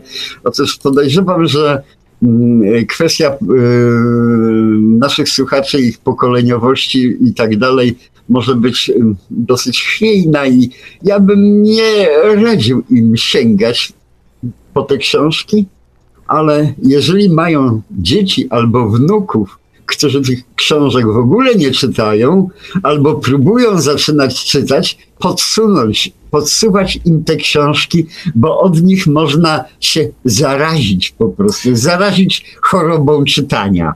A prostu. nie powiedziałem tego, e, z tego chyba dobrze pamiętam, nie powiedziałem o tym, e, o cykl kuzynki, który znacie Państwo, e, znacie państwo e, od Pilipiuka, który się pojawił już w tej poważnej, e, w, jego już poza samochodzikowym życiu, to tak jak mówiłem wtedy, tylko nie podałem tytułu, e, to e, kiedy napisał Tom e, sekret, e, pan samochodzik i sekret alche- alchemika sędziwoja, to właśnie w tym tomie pojawiają się bohaterki, które później w cyklu kuzynki e, A, no. istnieją.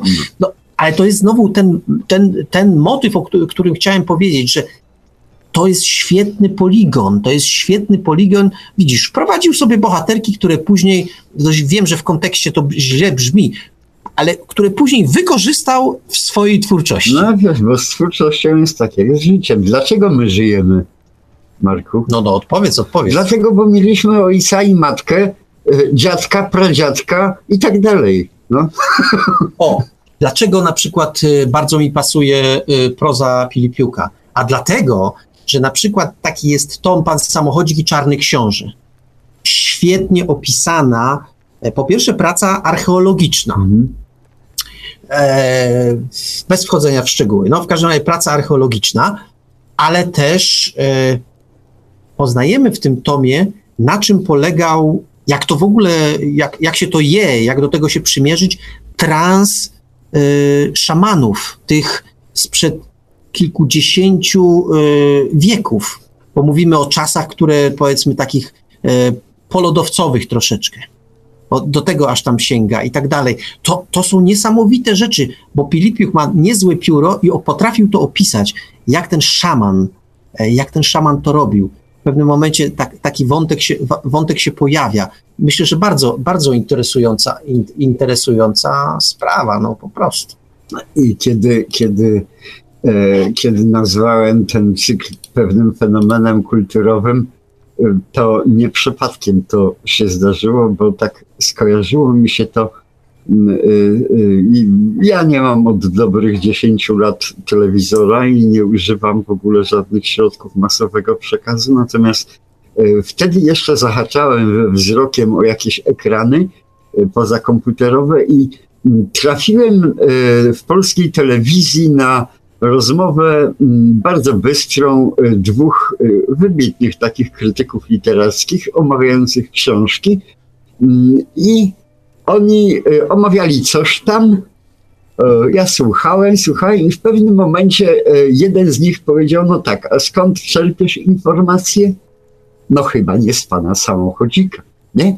Otóż negatywny wydźwięk tego, e, tego niby negatywny świadczył również o ważności tego fenomenu, że ten krytyk mógł się odnieść do czegoś, co może tak, ale tym niemniej to istnieje. Ja powiem Mhm. jeszcze tak, że e, za czasów Nienackiego e, mówiłem o tej negatywnej, po, negatywnej recenzji Atlasa, no bo pan samochodzik, jego autor, to byli, to były fenomeny. Mhm. Bo wychodził w dużych nakładach, ale PRL miał to do siebie, że jak już wypuszczał książki, to tam 30 tysięcy to była, ta, było takie minimum. Wychodziły, co prawda niektóre w nakładzie 10 tysięcy, ale to jakiś autor miał, nie miał chodów, ale w większości, czy raczej miał jakąś, jakiegoś e, postawionego, jakiś postawiono na nim krzyżyk, jakieś zarzuty miano w stosunku do niego, to wtedy dostało 10 tysięcy, ale normą było 30, a właściwie, a właściwie od pewnego momentu to 100 tysięcy to tam tak wiesz, pyk i było. E, otóż, e, otóż e, tak, tak, to funkcjonowało, tak to funkcjonowało, on był niezwykle popularny. Co więcej, te samochodziki miały e, ciągłe wznowienia, ciągłe, to, ciągle się to ukazywało. Ludzie to naprawdę czytali. To była na tamte czasy literatura, literatura sensacyjna dla młodzieży. Ja dzisiaj, e, jako człowiek związany z, z tym cyklem, nie potrafię już ocenić, czy to się te tomy Nienackiego się zestarzały, czy mocno się zestarzały. Nie wiem. E, czytając w internecie, odnoszę wrażenie, że nie zestarzały się aż tak bardzo. W dalszym ciągu ludzie w internecie je chwalą. To chyba, chyba dobra recenzja, takie, takie przejrzenie internetu i zetknięcie się z tym, że w dalszym ciągu tomy Nienackiego pomimo że później kontynuatorzy łącznie ze mną napisali ich sporo, to one są na topie. W dalszym ciągu mistrz, od którego my wszyscy, to on e, wiedzie prym. Wiesz, możemy się dzisiaj z perspektywy czasu podśmiewać, tak jak Janusz Atlas, z pewnych fenomenów kulturowych, tym niemniej to e, korony tym fenomenom kulturowym z głowy nie zdejmuje, a takimi e, fenomenami jest była na przykład cała seria rzeczywiście mm, nie, nie Naskiego, ale w telewizji była ta stawka większa niż życie, cztery pancerni pies i inne tak. filmy. Można z nich normalnie trzepać je trzepakiem jak, jak trzeba, ale nikt im nie odmówi tego, że, e, że właściwie są w każdej chwili do oglądania e, A, dzisiaj. No właśnie. Y, na temat czterech pancernych to się nie wypowiem, aż tak tego nie analizowałem, ale całkiem, całkiem niedawno, jeżeli niedawno uznamy kilka lat, zrobiłem sobie analizę kilku odcinków stawki większej mm -hmm. niż mhm. życie. Pominąwszy już całą otoczkę tą taką, że on dla Rosjan szpiegował i tak dalej, to wiadomo, no takie czasy były, to szpiegował. Ale jeśli chodzi o napisanie, sekwencję tak, tak, scen, tak, tak. E, sposób, w jaki te sceny są zrobione, jak one przenikają, jak to jest zmontowane wszystko, to to jest bardzo dobrze zrobiony film. W dalszym ciągu dynamiczna akcja jest, e, to jest fajnie zmontowane, tam jest zawsze jakaś zagadka, tam jest zawsze mm, coś takiego, że my y, bierzemy udział niby w filmie wojennym, ale tak naprawdę to, jest, to, są, to są filmy sensacyjno-kryminalne. Tak, no i zresztą y, mają wiele walorów, nie tylko tych takich technicznych, ale również y, atrakcyjność aktorska. Tam plejada polskich aktorów występuje w sposób fenomenalny zupełnie. A, no pewnie. Aktorzy a w dodatku, e, no, któż tak wspaniale potrafi zagrać Niemców jak nie Polacy? Posłuchaj, a jeszcze, jeszcze ciekawa sprawa, a y, o 35 y, dużo napisał o filmie Pan Samochodzik i Templariusz. Na, wiesz co, to już pomijam, że był mhm. film naprawdę świetnie zrobiony, to w tym filmie było sporo smaczków. On oczywiście różni się bardzo od książki. Bardzo, bardzo. Ale, ale jest w nim sporo smaczków czysto filmowych. Otóż, yy, na przykład, jest odcinek, bodajże pierwszy czy drugi, kiedy pojawia się szaflarska. I tam jest, yy, kiedy jest taki dialog, kiedy rozmawiają o skarbie. A jednym z pierwszych filmów, który, w których grała Szaflarska, był film Skarb. Mhm. Oni oczywiście rozmawiają o zupełnie innym skarbie, o skarbie templariuszy. Ale reżyser potrafił to wyciągnąć i kiedy jest mowa o tym skarbie, ktoś tam mówi, a widziałem, widziałem i pojawia się muzyka z filmu Skarb. Mhm. Jest kamera na mhm. szaflarską i pojawia się muzyka z filmu Skarb. Pięknie rozegrane, ale to, y, to nie był przypadek, bo reżyser pociągnął ten, te zabawy, bo kiedy y, Janowska jest przewodniczką po Malborku i oprowadza tam y, wycieczki, kiedy spogląda na y, samochodzika, to pojawia się y, taki motyw muzyczny ze stawki większy niż życie. I ona się zastanawia, gdzie ona go widziała?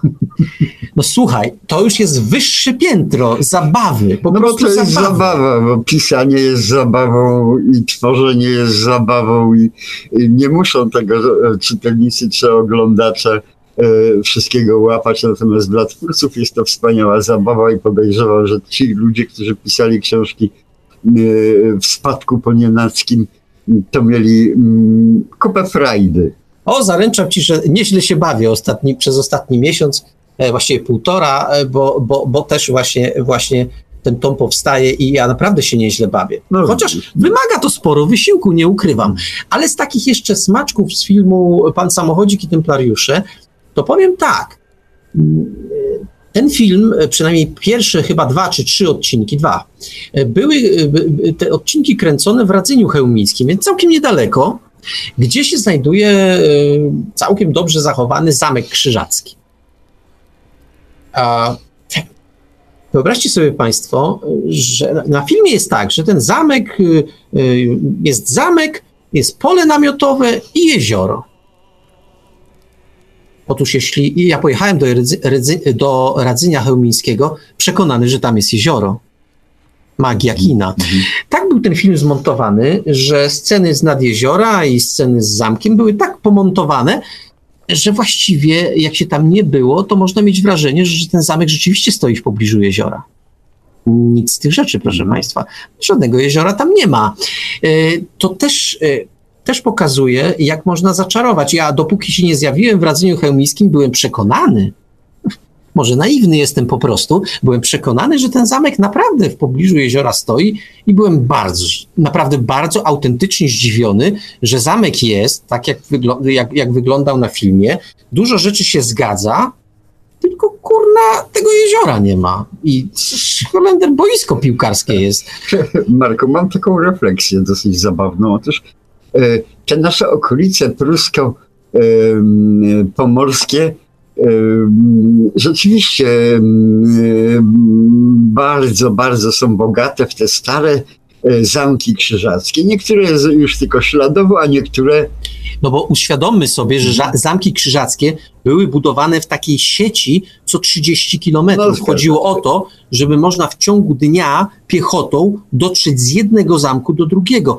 Więc jak się poszuka śladów, one są naprawdę dosyć gęsto. No, no ym, i tak używasz tej formuły dobrze zachowany, dobrze zachowany i tak ja sobie wyobrażam, jak minie 2000 lat. Te zamki krzyżackie załapały się na status zabytków. I po dwóch tysiącach lat, cóż tutaj po nas zostanie? Zabytki? Zabytki, czyli zamki krzyżackie. Nie wiem, wiesz, Nic poza tym. to jest taki problem, że y, za czasów komuny to te zamki, sam nie wiem, co było lepsze. Bo za czasów komuny zamki stały, należały do państwa i niszczały.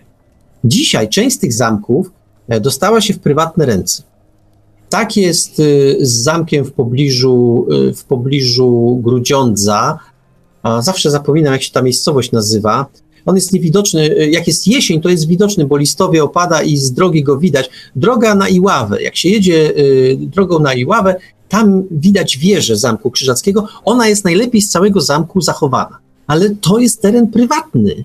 Jak chcesz zobaczyć ten zamek, trochę po, po, przeciskać się przez chaszcze i tę wieżę zobaczyć, wieża jest świetnie zachowana, y, wieża bramna, y, to musisz znaleźć najpierw człowieka, który ten teren, mm, który te, tym terenem w imieniu właściciela się opiekuje.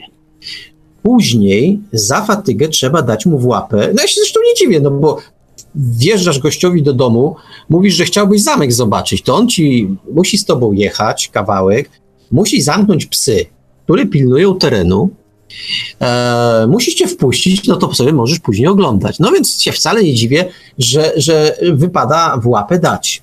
No ale to, to są właśnie skutki tego, że jest e, zamek w, zam w rękach prywatnych.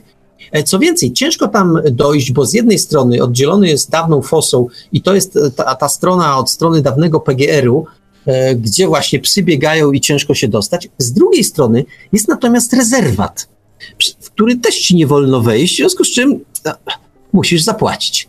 Jest też na terenie tutaj, e, o którym mówię, czyli tej dawnego państwa krzyżackiego, szereg innych, e, innych e, zamków krzyżackich, znowu się Wiktor będzie śmiał, ale właśnie świetnie zachowanych, na których teorety, na, do, do, których teoretycznie nie wolno ci podejść, bo wisi tablica teren prywatny, wstęp zbroniony jakby to tak delikatnie powiedzieć, e, większość ludzi ma w głębokim poważaniu. Jeżeli to nie jest rzeczywiście ogrodzone jakoś tak bardzo ściśle, no to po prostu te zamki, te zamki zwiedzają i, i, i jest takich kilka budowli. Notabene, nawet w pobliżu, w pobliżu Koronowa, to już nie zamek, to bardziej taka strażnica krzyżacka, ale też nieźle ufortyfikowana, e, znajduje się, nad, ta właśnie się znajduje nad jeziorem. I to nie, nie mylcie Państwo, koło Koronowa jest zalew, ale są też jeziora i ten, ta strażnica krzyżacka właśnie koło jeziora się znajduje, ale teren też jest ściśle prywatny. Ja tam wchodziłem, e, nie był ogrodzony, ale wchodziłem tam z duszą na ramieniu, bo to wieś, taka, gdzie psy czasami biegają samopas, więc nie wiedziałem, czy któryś nie przybiegnie, ale tablica, która jest przed tym E, przed, tym, e, przed tą strażnicą jest tak ogromna i tak dosadnie mówiąca, znaczy nie ma tylko o tym, że porywają, po, powyrywają nam nogi z tych miejsc, z których wyrastają, ale wszystko inne poza tym, złącznie z powołaniem się na odpowiedni przepis prawny jest. Czyli jakbyś wszedł i na przykład coś ci się stało, no to jeszcze by ci właściciel dołożył. No ale widzisz, Marku, nie, nie rozumiem twoich rozterek, bo jeżeli jedziesz do Warszawy i chcesz zwiedzić na przykład Muzeum Wojska Polskiego, to po prostu jest to teren ściśle państwowy, musisz zapłacić, musisz do, mieć bilet i, i musisz grze, kapcie założyć i tak dalej grzecznie, grzecznie, no i wtedy możesz sobie oglądać. Wiesz A ty co? chciałbyś, żeby gdzie indziej było inaczej? Wiesz co, gdyby to było tak, jak ty mówisz, to ja bym na to przystał. No. Nie ma problemu. Natomiast cała rzecz polega na tym, że spora część budowli krzyżackich jest niestety, jest niestety w rękach prywatnych, ale hmm, hmm, hmm, by ci to powiedzieć, nikt się tym nie interesuje. Ktoś to ma i wara ci po prostu od tego. I to jest dosyć, y, to jest dosyć y, takie denerwujące. Jest, y, nie wiem, ja się z tym, mnie się z tym trudno jakoś pogo pogodzić. No. no właśnie, właśnie masz na komputerze tutaj wspaniałe, wspaniałe zdjęcie z napisem Zamek Krzyżacki czeka na nowego właściciela. Tak, bo jest miejscowość Szymbark. W ogóle tak, miejsco, na, piękny zamek. No tak, ale y, tych Szymbarków, to, tak, tak, żeby tak. się nie mylić, tych Szymbarków jest kilka. W jednej z, mi, y, z miejscowości o nazwie Szymbark są piękne ruiny y, Zamku Krzyżackiego. Ruiny z zachowanym nawet podjazdem do mostu zwodzonego. No po prostu coś pięknego. Ale to jest jeden z tych zamków, do których nie wolno ci teoretycznie podejść. Oczywiście, że byłem i oczywiście, że podszedłem, ale robisz to z naruszeniem prawa, żebyś miał, bo nikogo nie interesuje, żebyś ty zaspokoił swoją ciekawość. Bo gdyby tu stał ktoś i kasował, bile, kasował y, wy, wy, wydawał ci bilety, kasował za twoje wejście. To byłoby wszystko ok, ale tu nikogo nie ma, tylko tablica jest. I to mi się tak naprawdę nie podoba. Na szczęście to jest, mniej, y, nie wiem czy mniejszość, sporo zamków krzyżackich jest, jest jednak do zwiedzenia. No, ja pomijam już Malbork, który, który, żeby go dobrze zwiedzić, to trzeba cały dzień poświęcić, ale są też mniejsze, mniejsze to Radzyn Chełmiński mówiłem, ale tych zamków jest całkiem sporo, no. Kwidzyń chociażby. No, Czy tak. znaczy, wiesz, na, na pewno to przebrzmiałe y, termin jak dobro narodowe no. powinno jednak dotyczyć pewnych rzeczy, to znaczy na przykład prywatny właściciel nie ma prawa nie udostępniać, nie? No, no. Może i tak, ale to byłoby też pogwałcenie jego praw i tak, i tak dalej. No wiesz, jest piękny, piękny zamek y, y, w Reszlu. W Toruniu są resztki, bo tam mieszczanie się zbuntowali. Notabene to, wiecie Państwo, to jest też tak, że często jeszcze za komuny, ja pamiętam jak y, w pierwszej czy w drugiej klasie e, pojechałem z wycieczką i jeszcze pamiętam przewodnika, który mówił, że lud e, się zbuntował w Toruniu i to ten polski lud, no to nie był proszę Państwa polski lud, bo tam było tyle samo Niemców co Polaków, byli jedni i drudzy i oni się dosyć pospołu e, zmówili i po prostu mm, kiedy trzeba było to rozpierniczyli ten zamek, niewiele z niego, niewiele z niego zostało, e, ale jeszcze coś do zwiedzenia jest, podziemia są, można, można, sobie, można sobie to zwiedzić, także e, a, notabene z Toruniem to w ogóle jest świetna historia, już kiedyś ją opowiadałem, ale, ale oczywiście powiem jeszcze raz, e, że po drugiej stronie e, po jednej stronie leży Toruń, e, po, e, po, po prawej stronie Wisły leży czy mi się coś nie powie, tak, po prawej stronie e, Wisły, na prawym brzegu leży Toruń, ten właściwy,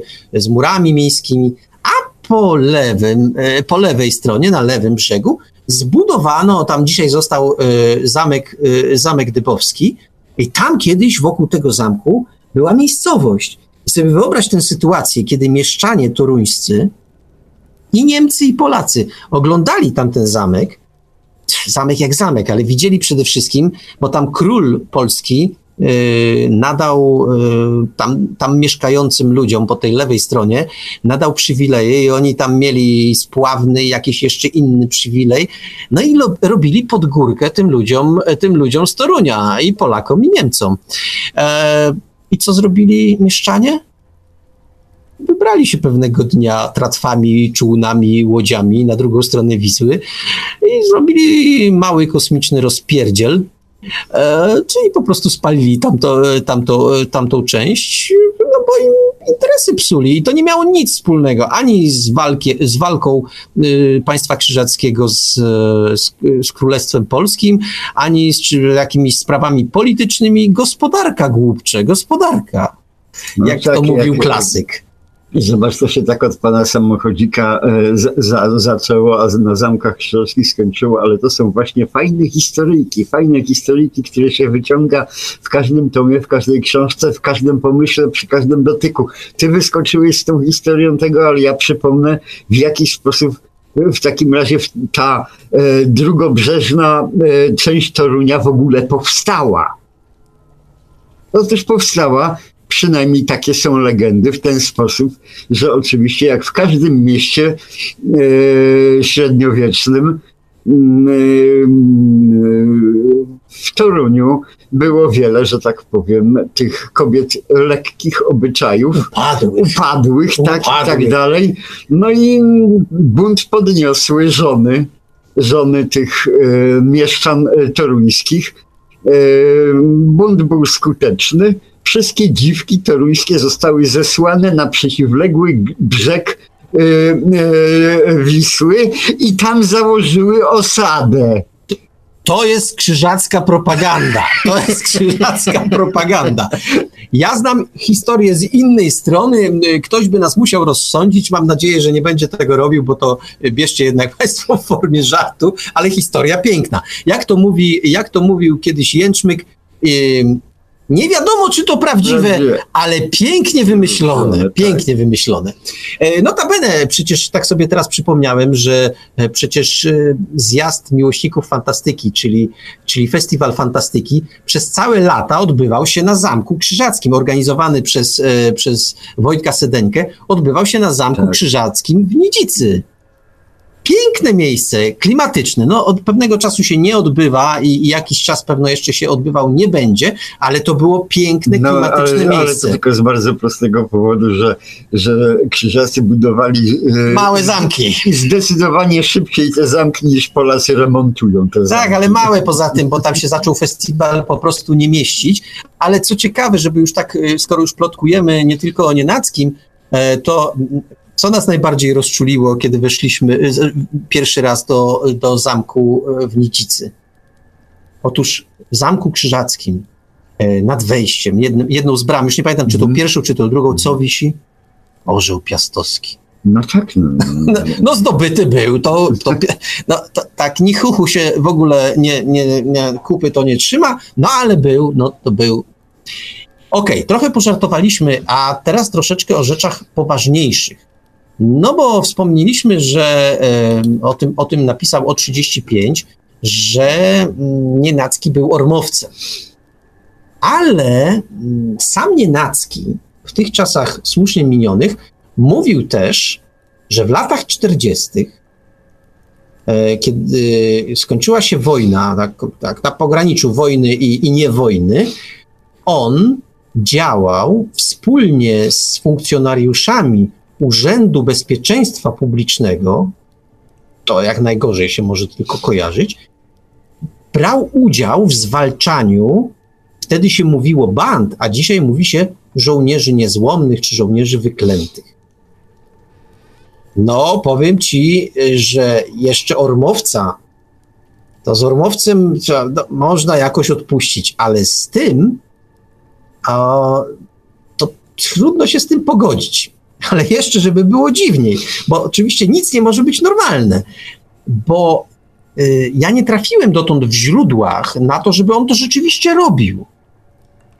Y, podejrzewam nawet, że to był rodzaj legendy, którą on sobie ułożył i y, serwował w tamtych słusznie minionych czasach. Chciał się czymś popisać, więc stwierdził, że pomagał tym żołnierzom UB e, w zwalczaniu, w zwalczaniu e, tych, którzy się z władzą komunistyczną nie pogodzili. No to wiesz, zabawne. Facet, którego wywalili z Moskwy za odchylenia od i obrazy stalinizmu, był lojalnym członkiem Polskiej Zjednoczonej Partii Robotniczej. Był w Ormo od 1963 roku. E, co więcej, tak jak mówiłem, że wychwalał stan wojenny, to był w Pronie, w patriotycznym ruchu odrodzenia narodowego. No, dziwny to jest życiorys. Nie wiem, ja, ja, mam takie wrażenie, ja mam takie wrażenie, że jednak to, to... Nie wiem, czy przypominasz sobie, jak żeśmy tego czeskiego autora książkę byłem. A, Hrabala obsługiwałem angielskiego króla. Tak, jak żeśmy Hrabala omawiali, to mniej więcej ten sam e, problem wyniknął, że Hrabal za młody, że tak powiem, kontrowersyjny i, i, i w ogóle tam no, anty, anty nastawiony prawie ikona e, antykomunizmu prawie czeskiego. Później mu przeszło. A po, potem jakby na starość mu przeszło i bo, bo jak ja tłumaczyłem wtedy, e, młodzi są od tego, żeby się tłuc, starzy już mają dystans po prostu do takich spraw. Wiesz co, ja chyba też mam dystans, to znaczy, że już jestem stary, bo wiesz co, ja o tym oczywiście wspominam, bo, bo, bo, bo, bo to ciekawostka pewna z jego życia, dlatego o tym wspomniałem i chciałbym, żeby nasi słuchacze to wiedzieli, ale z drugiej strony nie mogę takiego świętego oburzenia z siebie wykrzesać. No był tym, cholera, tym ormowcem, był ubekiem, chwały mu to nie przynosi, ale z drugiej strony, jak sobie tak rzucimy na szale, czy był po prostu pisarzem, który cieszył ludzi tym, co pisał. To co jest kurczę ważniejsze? No, no dokładnie tak, no po prostu jaki żyjesz. Marku, ja pamiętam doskonale, że jeszcze w latach 80., 90. ja do moich kumpli, esbeków, to mógłbym strzelać. A dzisiaj patrzę, Wzruszam ramionami. Chwała Bogu, że nie miałem wtedy giwery w chacie. Ty, ty miałeś kumpli z beku? No pewnie, że tak każdy miał. Każdy miał. Tylko nie wiedział. Tylko nie tylko wiedział. Nie wiedział no. tak, tak. Ale potem się dowiedział. No. No. no tak, no. Wiesz co, tak jak podkreślam, no oczywiście dobrze jest to wiedzieć, ale, ale dla mnie Nienacki y, i tak zostanie pisarzem, który stworzył Pana Samochodzika, który stworzył też kilka innych książek, takich, takich bardzo ważnych, ale o nich za chwilę, bo wyszliśmy tak bardzo politycznie, e, tak bardzo, tak bardzo e, gdzieś o politykę no, starą, bo starą, ale się otarliśmy, to teraz oddajmy głos Jurianowi z jego alfabetem.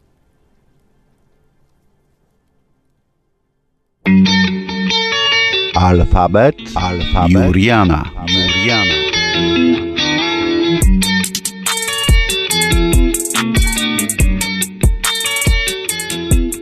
P jak polityka. Od kiedy sięga zbiorowa pamięć ludzkości, Obok szarego tłumu zawsze pojawiali się liderzy różnej maści. W zależności od miejsca w czasoprzestrzeni byli to przywódcy polityczni, wojskowi, rewolucyjni prowodyrzy oraz przewodnicy duchowi i religijni. Rozdzielenie tych ostatnich nie jest moim niedopatrzeniem, ale o tym więcej przy okazji litery R. R jak religia. Liderzy to specyficzny gatunek ludzi, ale ludzi, a skoro tak, nie są odporni na władzę absolutną, która jak wieść niesie, deprawuje absolutnie. Mroczne czasy pozostawmy historykom, ale jak z tym bywało po roku 89 i jak jest teraz? Dziś mamy demokrację, dziś mamy partie polityczne i polityków.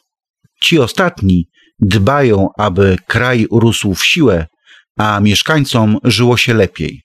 Jeszcze lepiej, bo dzięki ich sukcesom jest już całkiem dobrze. Rok 1989. Upada znienawidzona komuna. Znienawidzona przynajmniej przez większość, która w tym układzie była koniem, nie jeźdźcem. Nie wchodząc w szczegóły kresu socjalizmu, w których tkwi nie jeden diabeł, a trupy wypadają z wielu szaf, dotarliśmy do obecnego tysiąclecia. Politycy według założeń powinni zajmować się rozwiązywaniem bieżących problemów i wskazywać optymalne kierunki rozwoju. Tyle teorii. Obserwując ten magiel, na tyle uważnie, na ile pozwala mi silna niechęć, doszedłem do smutnych refleksji. Jakkolwiek według założeń demokracja jest najlepszym systemem w historii, to po latach knucia i mataczenia, deformowania jej lepkimi łapami polityków, stała się żałosną karykaturą. Nie będzie lepiej, jeśli dla elektoratu najważniejszymi będą eleganckie krawaty kandydatów, zęby wybielone w Photoshopie czy fałszywy uśmiech bijący z plakatu. PR-owcy biorą grube pieniądze, aby ciemny lud wybrał tych, którzy mają zostać wybrani. Od lat bezlitośnie wykorzystują socjotechnikę, koncentrując jej narzędzia na słabościach naszych i samej demokracji. Podobno żaba wrzucona do wrzątku wyskoczy z niego, a włożona do garnka z zimną wodą ugotuje się. Będzie powoli przyzwyczajać się do rosnącej temperatury, aż będzie za późno. Każdy kolejny rząd jest gorszy od poprzedniego. Jeśli tego nie zauważymy i czegoś z tym nie zrobimy, marny nasz los. Będziemy rządzeni przez coraz gorsze polityczne kreatury, nieudaczników udających wszechwiedzących, bandytów w białych kołnierzykach i dyktatorków chcących w jak największym stopniu ograniczać nasze prawa i sterować wszystkimi aspektami życia. Trudno jednak nazwać ich uzurpatorami. Nie wypadli sroce spod ogona. To niestety reprezentacja społeczeństwa i przez to społeczeństwo wybrana. Nowa fala polityków wkrótce nadejdzie. Banda wychowana na obraz i podobieństwo rządzących od dekad, tylko jeszcze gorsza. Wystarczy posłuchać, jakim językiem komunikują się z ludźmi członkowie młodzieżówek partyjnych, kiedy dorwą się do mikrofonu. Dramat, bełkot politycznej nowomowy, którego nie da się słuchać. Po czym poznać, że polityk kłamie? Po tym, że otwiera usta. To ludzie bez wstydu, manipulanci, którzy cynicznie przerobią każdą okoliczność i wydarzenie tak, żeby wyszło na ich korzyść. Nie zatrzyma ich żadna granica moralna. Wykorzystują nawet ludzkie dramaty, odwracają fakty, zapominają o tym, co niewygodne, zmyślają, jeśli w czymkolwiek to pomoże. Wciskają nam propagandę w imię starego przepisu, że kłamstwo powiedziane tysiąc razy staje się prawdą. Niestety nadal działa to na wielu. Człowiek mający do dyspozycji kanały telewizyjne zaanektowane przez jedną dowolną opcję polityczną, szczególnie kiedy wykształcenie kulawe, ma niewielkie szanse, aby przeciwstawić się manipulacjom. Szczególnie na jad nienawiści i obrzydliwe kłamstwa narażone są osoby starsze. Nie mieści im się w głowach, że telewizja, radio i gazety jedynie kłamią. W zasadzie kłamią i reklamują na zmianę, bo wszystko jest na sprzedaż. Politycy to koncentrat zła, rak ludzkości.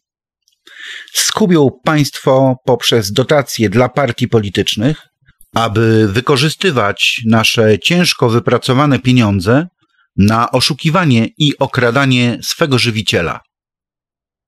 Od dziesięcioleci afera goni aferę i i nic. Rządzący wiedzą, że władzę czasem się traci, więc nie robią sobie przykrości nawzajem, bo za jakiś czas mogą być w identycznej sytuacji. Jedna wielka inscenizacja. Polityczny teatr dla plepsu. Kto siedzi w więzieniach? Jakieś płotki. Wszystko się kręci wedle zasady. Kradłeś? To teraz daj nakraść nam. Jednak ich przekręty to rzadko pospolite przestępstwa.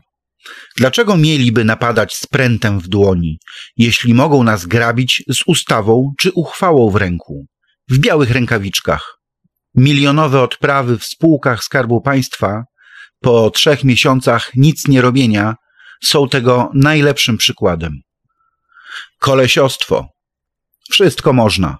Obchodzić, naginać, łamać zasady. Zostać profesorem uczelnianym Wystarczy pić wódkę z kilkoma ważnymi. Nic to, że jakieś minimalne warunki do spełnienia. Awansować do wyższej instancji? Złóż jeden podpis, byle na odpowiedniej kartce. Być redaktorem w telewizji? Obiecaj tylko władzy lizanie ich dupy. Bo czym jest prawo? To płot, który ledwie się trzyma na przegniłych słupkach. Lis przeskoczy, wąż się prześlizgnie, a krowy stoją. Nie każdy polityk to złodziej, nie każdy to cynik, ale większość ma za uszami świństwa różnego kalibru. Nie potrafię tego zrozumieć, że ludzie z pozoru inteligentni, którzy trafiają do polityki, głupieją w oczach. Zaczynają gadać jak cała reszta partyjnych towarzyszy. Czy to polityka robi z nich gnidy, czy odwrotnie, trafiają do polityki, bo gnidami byli od zawsze. Demokracja sama w sobie nie jest ani dobra, ani zła. To narzędzie do osiągania celów, celów dobrych lub złych. Jakie cele przyświecają naszym elitom? Jestem bardzo krytyczny. W dobie internetu mogę łatwo się przekonać, że moje poglądy nie są odosobnione. W jednej z ankiet Cebosu zadano pytanie respondentom. Czy uważasz, że partie polityczne działające w Polsce powodują kłótnie i zamęt w państwie oraz, że są klikami polityków dążących do władzy? Na to pytanie tak odpowiedziało 85% ankietowanych, a 77% uważa, że dla polityków zrzeszonych w partiach politycznych najistotniejsze jest realizowanie własnych ambicji. Wynika z tego, że zdecydowana większość ludzi wie, czego może się po tej hordzie spodziewać. Proponuję więc tej klasie nierobów, zajmującej się jedynie tym, co pozwoli im utrzymać się przy korytach, pokazać żółtą kartkę. Można to zrobić w następujący sposób. Ustalić, że wszyscy ci, którzy są niezadowoleni, wręcz wkurzeni nieudolnością i niegodziwością politycznych łajdaków, że wszyscy ci pójdą na najbliższe wybory do urn nie wcześniej niż o godzinie 13. Od nas zależy, czy ten pomysł przejdzie do historii jako pierwszy bunt obudzonych, czy też nie zostanie nawet zauważony w sondażu Exit Poll prowadzonym przez którąś z agencji badawczych. Sukces akcji może da im do myślenia, albo przynajmniej odmieni naszą świadomość. Zrozumiemy, że nie jesteśmy masą bezwolnych kukiełek, podzieloną przez nich na grupy i możemy więcej, niż mogłoby im się wydawać. Pokażemy, że to oni są dla nas, a nie odwrotnie. Pokażemy im, jak to się udało już nie jeden raz w przeszłości. Jurian, przedstawiciel suwerena. O! Jurian fajnie zrobił ten felieton, bo y, chyba, chyba pokazał coś takiego, co nas wszystkich w obecnej sytuacji męczy, y, że klasa polityczna, bez względu na to, jakie mamy sympatie, bo sobie to nie jest czas ani miejsce, żebyśmy sobie w tej chwili jakieś deklaracje członkowskie wypełniali, ani, ani zachwycali się jedną, czy drugą, czy piątą, czy pięćdziesiątą stroną e, życia politycznego, ale moim zdaniem Jurian w punkt uderzył, pokazał, że ta nasza klasa polityczna chyba nie traktuje nas do końca serio. To znaczy, my nie jesteśmy jej tak naprawdę potrzebni. Ja bardzo podpisuję się pod tym felietonem, a czeka Państwa niespodzianka, bo za dwa tygodnie następny felieton, chyba równie okrutny, jeśli chodzi o klasę polityczną. Bo ja myślę, proszę Państwa, bo jest tak, że y, każdy z nas jakieś poglądy polityczne ma. I e, Julian świetnie to pokazał, że my jesteśmy w stanie widzieć, że ci drudzy to oni źli są i tacy głupi w dodatku. Ale ci nasi świetni są i tacy najlepsi. Tymczasem, jak się dobrze poskrobie, i Jurian to właśnie zrobił, jak się dobrze poskrobie i dobrze popatrzy, i tak odejdzie na chwilę od tej bieżączki, to może się okazać, że zarówno tamci, jak i ci nasi, to głupki są czasami po prostu. No, głupki. No, bym, Nawet bez E, to są właśnie głupki, nie głupki.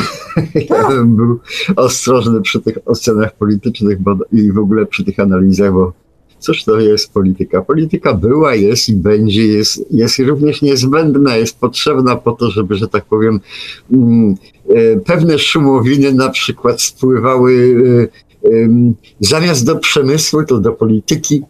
O, No tak, ale on No. tu w tym felietonie mówi, że wychowa, wychowaliśmy sobie w życiu naszym politycznym, wspaniałym, cudownym, o oczywiście, wychowaliśmy, wychowaliśmy sobie węża na własnej piersi.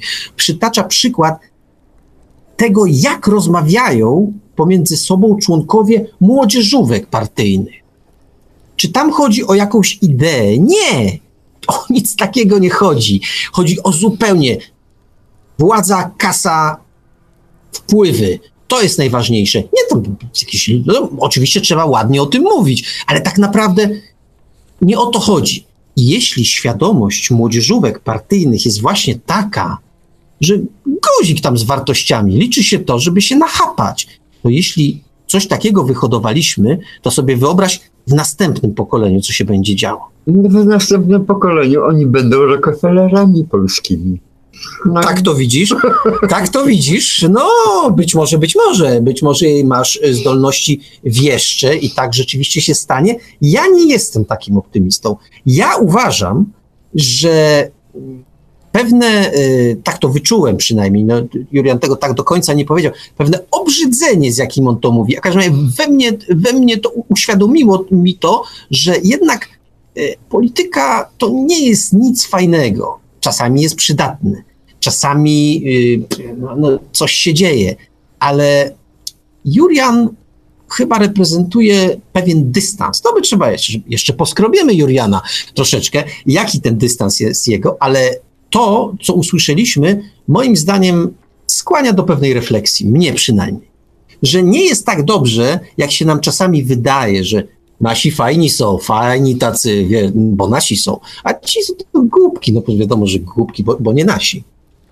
Trochę jest to, trochę jest to takie, no, no nie wiem, mnie to martwi. Normalne, Marku. Tak? Normalne. A, a ja nie wiem, czy ty się nie przyzwyczaiłeś y, właśnie do tego, przyzwyczaiłeś się do rzeczy nienormalnej i uważasz ją za normalną. No, Bo, też możliwe. bo ja jednak uważam, że zrozummy się, mnie nie chodzi o to, że politycy się kłócą. Ich za psi obowiązek, żeby się kłócić. Politycy na całym świecie się kłócą. Okej. tylko można się kłócić i kłócić, można się spierać i spierać. E, co więcej, można nawet straszne słowa mówić, to powiedzmy, nawet w parlamencie, w parlamencie angielskim. Rzeczy, które tam padają czasami na sali, no nie chciałbym usłyszeć pod swoim adresem. A w każdym razie byłbym bardzo. Z... Zapamiętałbym na długo. Natomiast y, y, to jednak, to jednak chyba jest o klasę, o klasę wyżej niż to, co się dzieje w Polsce. Ja patrząc na niektórych polityków, których y, jakoś tam przez jakiś czas szanowałem, dzisiaj czasami mi się wydaje, że o nic innego nie chodzi, tylko kasa, misiu kasa. Tych naprawdę, ja, już nawet nie wiem, czy wypadam to mówić, bo to chyba nie te czasy. Tych ideowych polityków to już chyba nie ma w tej chwili. Zawsze kasa, misiu, kasa. O to chodzi. Znaczy, wiesz, ja wcale nie jestem taki pewien, bo wiesz, ci naj, najwy, najwyżej, że tak powiem, te głowy u góry to są jednak ideowe, a, e, ale swoich, swoich knechtów, że, że tak powiem, e, wpuszczają w ten kanał po prostu kasa, kasa, bo to jest, to plebs interesuje, to taki jest człowiek współczesny, taki człowiek był zawsze, a nie tylko współczesny jest. Taki człowiek był zawsze, no i po prostu dzięki temu ci te knechty y, są gotowi w każdej chwili swojego y, szefa, że tak powiem, bronić krwią i. I potem, potem oczywiście, tak. tak. Ale to jest ten pot, co mówi się potem, potem. potem najpierw potem, kasa. Ta, najpierw, najpierw kasa. kasa. Tak. Dobra, zostawmy, zostawmy wątki polityczne, y, wróćmy, wróćmy do pana samochodzika. Otóż y, zarówno ten y, kanoniczny pan samochodzik, czyli napisany przez Nienackiego, jak i te samochodziki późniejsze, napisane przez kontynuatorów, one mają wielką poza tym, że się fajnie czyta, bo przygody się dzieją i tak dalej, mają też inną, fajną zaletę. One rysują nam świat, pokazują nam świat. Ten bliższy, czyli Polskę, ciekawe miejsca, e, dzisiaj to się mówi nie miejsca, tylko lokacje, więc ciekawe lokacje nam pokazują, e, zabytkowe albo takie, które, które po prostu są intrygujące, ale też na świecie. Pilipiuk, e, przynajmniej kilka tomów, dzieje się nie w Polsce. Już zawędrował nawet y, do Afryki. Zawędrował na inne kontynenty. Y, co więcej, y, nie wiem, czy to Pilipiuk, nie, to już nie Pilipiuk, ale byliśmy z panem samochodzikiem w Stanach Zjednoczonych. Ty byłeś z panem samochodzikiem w jednym z tomów e, w Rosji. I to takiej, a y, y, y, i to tam, gdzie w swoim czasie spadł ten, e, ten obiekt taki, co pierdyknął, że szyby polec, poleciały w całym mieście. Nie ten górski, tylko ten późniejszy. Ten tak? późniejszy, a, tak, tak, ten późniejszy, więc tam, tam byłeś, no, e, a, a z tobą i, i z innymi, e, i, i z innymi bohaterami. No jak ja tam byłem, to nie, nie, nic dziwnego, że szyby poleciały. No tak, ale to, Okej. Okay. W każdym razie y, nawiązuję do tego, że mm, z panem samochodzikiem y, można poznać nie tylko, no muszę powiedzieć, no te lokacje ciekawe. Co więcej, y, wydawnictwo Oficyna Warmia prowadziła też te elementy obrazkowe.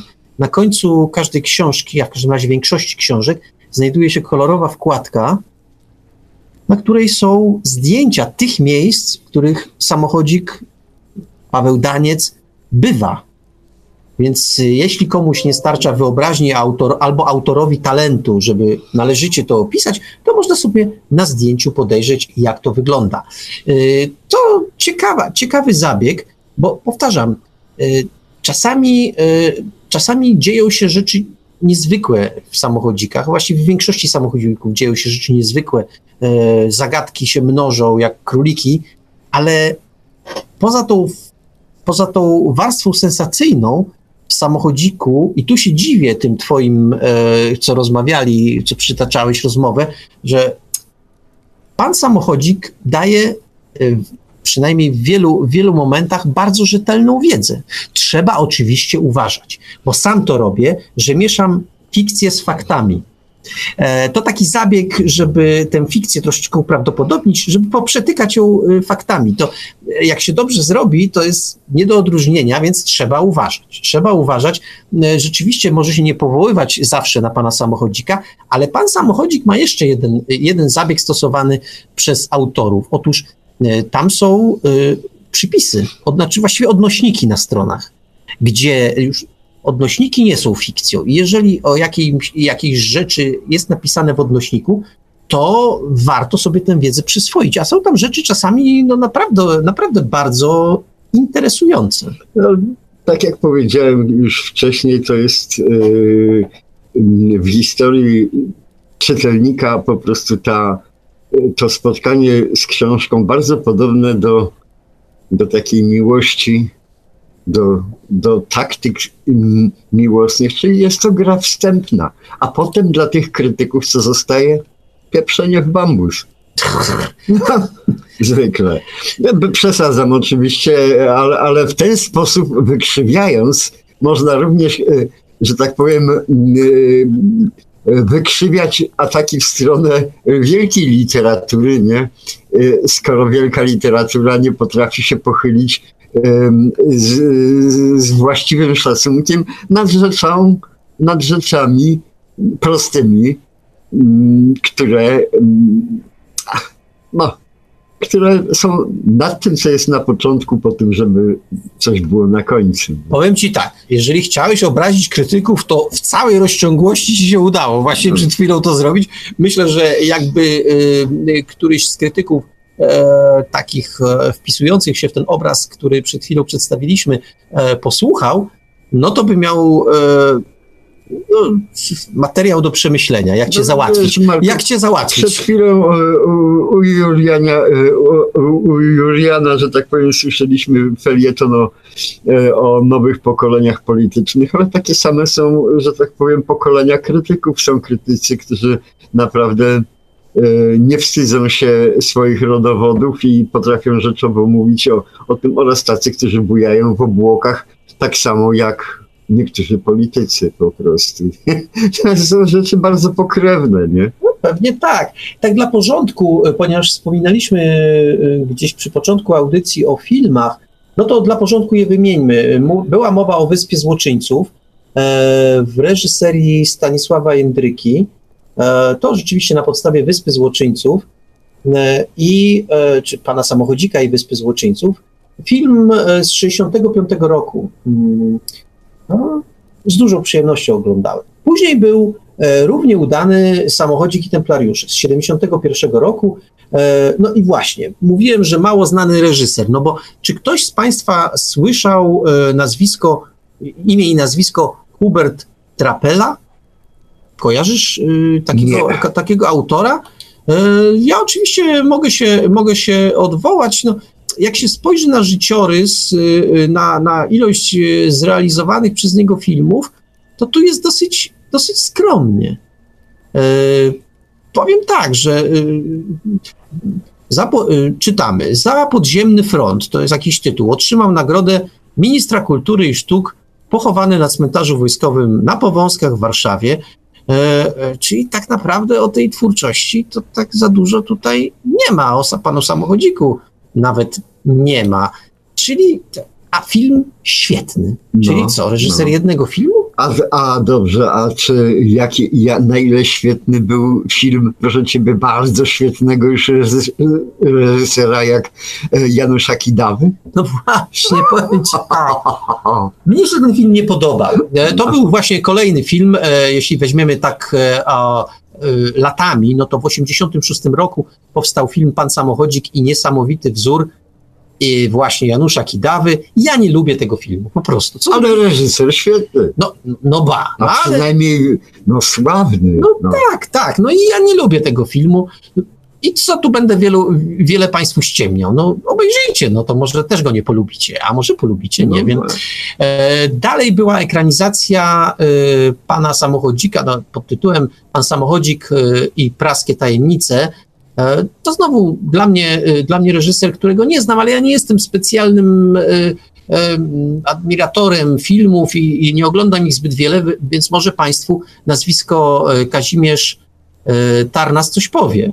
Nie, niestety nie. No, to był film nakręcony na podstawie książki Pan Samochodzik i Tajemnica Tajemnic.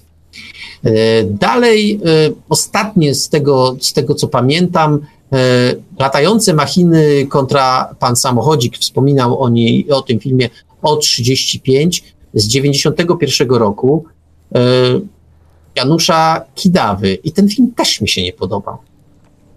E, na podstawie, to z kolei film zrobiony na podstawie tomu Pan Samochodzik i Złota Rękawica.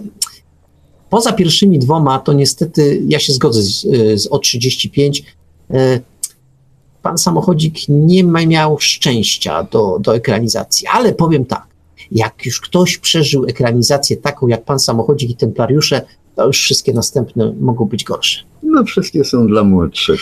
Wiesz co, kiedyś mnie jeden z moich e, kolegów wyśmiał, bo w takim, e, w takim porywie, porywie fantazjowania, takiego wychodzenia w przyszłość science fictionowego, powiedziałem sobie tak, że a może kiedyś, to pewno te czasy nadejdą szybciej niż sądzimy, że nie będzie się zatrudniało w kinie żywych aktorów.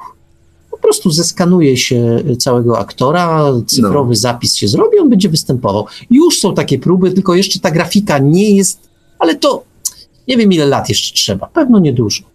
Już się o tym myśli, już y, są pewne kroki, żeby y, tych, auto, tych aktorów, którzy dawno już odeszli, którzy sobie nie zastrzegli, żeby tego robić nie mhm. można, żeby ich tam na przykład taką Marilyn Monroe e, zapisać cyfrowo i później nakręcić kolejne odcinki, kolejne filmy e, z jej udziałem.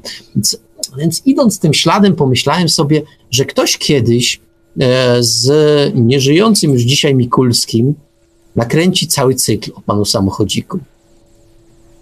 Mój kolega dostał małego szału, jak to usłyszał, bo powiedział: Co ty mówisz? Kto to będzie oglądał? Jakieś pierdoły, to były filmy twojego dzieciństwa i ty się nimi zachwycasz, ale to jest. Tu padło yy, określenie niecenzuralne, więc sobie daruję. Nikt tego nie będzie oglądał, jakiegoś Mikulskiego. Mikulski nie żyje i koniec z tym. Nie będzie już więcej filmów z Mikulskim i panem samochodzikiem. No tak, ale Marilyn Monroe też nie żyje. No tak, ale on bardziej to mówił pod tym, pod tym kątem, że nie, że tego nikt nie będzie oglądał, nikt nie będzie chciał oglądać. No zastanawiam się.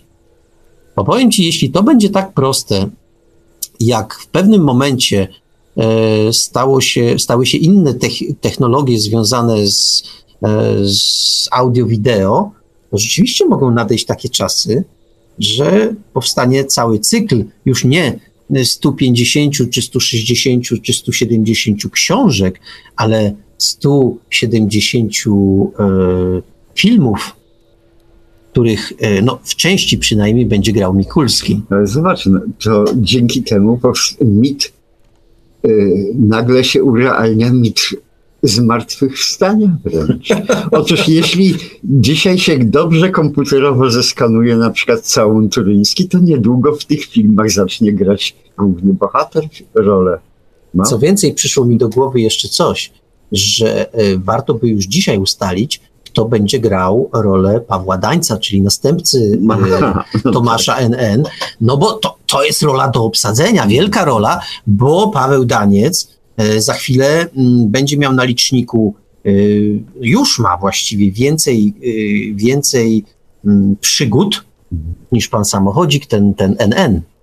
Znaczy, może więcej jeszcze nie, bo powtarzam, do 100 któregoś tomu pan samochodzik mniej lub bardziej epizodycznie występował, ale jednak, no, tomy się cały czas piszą, więc już wkrótce rola Pawła Dańca będzie niezwykle łakomym kąskiem, że tak sobie e, zażartuję już tu, jeśli chodzi, jeśli chodzi o ten mityczny projekt Pan Samochodzik. No wiesz, w tej chwili już nawet świetni aktorzy amerykańscy przyjeżdżają na promocję gier komputerowych do Polski, więc przyjedzie kolejny i zostanie panem samochodzikiem. Po, po angielsku? Po angielsku? Po amerykańsku. Amerykańsku? Tak no to dziwny będzie pan samochodzik. Ale powiem ci jeszcze jedną rzecz, y, która mnie y, troszeczkę w tym, w tym wszystkim frapuje. Y, właściwie nie, fra, nie frapuje, tylko która wz, jakby pobudziła mnie do tych refleksji, one mnie te refleksje zafrapowały. Otóż skoro Pamiętasz, kiedy, kiedy były lata 60., mówiło się, ach, żeby ta stawka większa niż życie była kolorowa. No jeszcze, jeszcze stawki większej niż życie kolorowej nie ma. Ale już na przykład sami swoi, pierwszy film, zrobiony na czarno-biało, już jest kolorowy. Jak rozpętałem II wojnę światową, już pokolorowano. Jest wersja czarno-biała, ale jest wersja kolorowa. Skoro można kolorować stare czarno-białe filmy, to jeszcze tylko tej stawki większej niż życie nikt nie pokolorował. No kasy nie ma, czy co? Marko, ale widzisz, jak można kolorować, e, czyli tak wraca, e, że tak powiem, zahaczając o to Marilyn Monroe, nie? To można już pokolorować, nie? Ale przyjdzie czas, kiedy klient będzie chciał, ale żeby jeszcze można było dotknąć. Tego I nie, będzie nie tak, wychodzę tak, będzie nie, tak. zostaw, to nie tak daleko. Na razie się zatrzymałem na etapie, że nie tylko będzie można kolorować, ale będzie można dokrętki robić. I No. na to liczę, że kiedyś e, te, to, co się nie zdarzyło, to, to, o czym mówił, to, o czym mówił o 35, że występowanie w kolejnych częściach pana samochodzika dałoby, odarłoby Mikulskiego wreszcie z tej klątwy, z tej Mhm. klątwy Hansa Klossa, no to to może się stanie tak zagrobem niejako. Znaczy, to słowo dokrętki mnie tak zafascynowało, bo to są bardzo podobne do dolewki, nie? No, coś tym jest, bo się człowiek będzie, e, no ja nie wiem, czy delektował, ale na pewno będzie, na pewno będzie, będzie kolejne odcinki pochłaniał. No właśnie, tylko czy na pewno, bo trochę ten głos mojego kolegi mnie niepokoi, bo on jednak wykrzyczał mi to w twarz, że nikt tego oglądał nie będzie. Znaczy, może i tak, y, może Marek nie, może tak, może nie, no może, może po prostu y, jednak będą dzieciaki wolały Harry Pottera Powiem ci tak, ja oczywiście kolejnego, nie? pro, prowokuję cię tak i prowokuję e, i prowokuję naszych słuchaczy, bo oczywiście nie byłbym sobą, gdybym nie dokonał eksperymentu. Jak tak na mnie nakrzyczał ten mój kolega, no to zebrałem się i pokazałem film e, Pan Samochodzik i Templariusze swojemu chrześniakowi. Miał wtedy lat 9. E, W polu jego zainteresowań był komputer, komórka i w ogóle był bardzo nowoczesnym dzieckiem, bardzo nowoczesnym. Ale proszę ciebie, kiedy siadł i oglądał kolejne odcinki pana samochodzika i templariuszy, to ku mojemu zdziwieniu, a oraz pewnej radości, nie ukrywam, wciągnął się. Wciągnął się tak mocno, że kiedy mm, bodajże w ostatniej części, tak, w ostatniej, albo w, przed, w przedostatniej, w przedostatniej części y, tego serialu y, młodzi bohaterowie zatrzaskują się y, w takiej sali pułapce, która miała właśnie potencjalnych złodziei eliminować, zatrzaskują się tam i nie mają wyjścia, on był autentycznie przejęty. E, Przejęty do granicy łez w oczach. Mhm. Co się teraz stanie? Czyli to działa, to jeszcze działa. Nie wiem jak długo, ale jeszcze działa. Co więcej, ja później wypróbowałem to y, na y, już nie na chrześniaku, ale na bracie chrześniaka y, kilka lat później. I to również działało. Czyli jest coś takiego w tych filmach. To nie jest, znaczy ja takie mam nadzieję, tak się, taką mam nadzieję, tak się pocieszam, no tak sobie mówię, że może już nie jestem jeszcze, jeszcze taki stary, jak mi, jak mi się wydaje, jak gdy patrzę w lustro, że może jednak te filmy mają w sobie coś, co nazwałbym pewną magią, pewnym po prostu dobrym scenariuszem, bo nienacki, co by o nim nie mówić, że był kim tym czy tamtym, to jednak scenariusze e, książkowe, filmowe, teatralne potrafił pisać.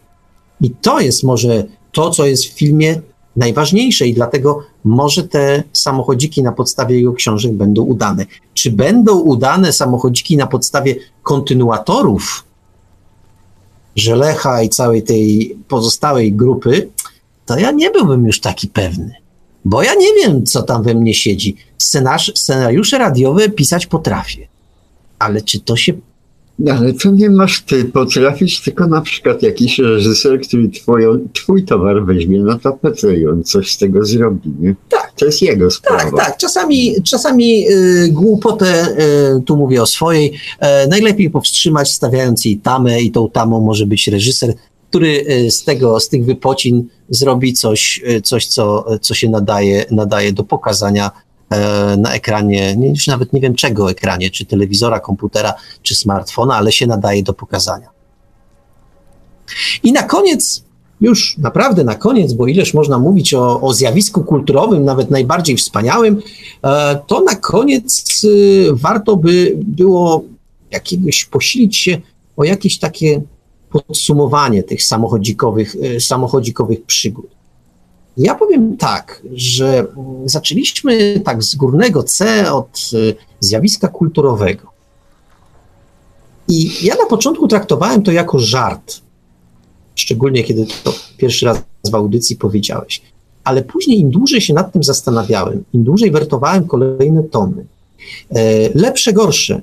I to nawet mówię, mogę o to powiedzieć o swoich. Mam lepsze i gorsze tomy. To, to jest nieuniknione. Nieuniknione, że czasami człowiekowi coś bardziej w duszy gra, a czasami mniej. Ale przyglądając nie tylko te swoje tomy, to doszedłem do wniosku, że sama ta ilość tworzy pewną moc. Pewną moc magii opowieści.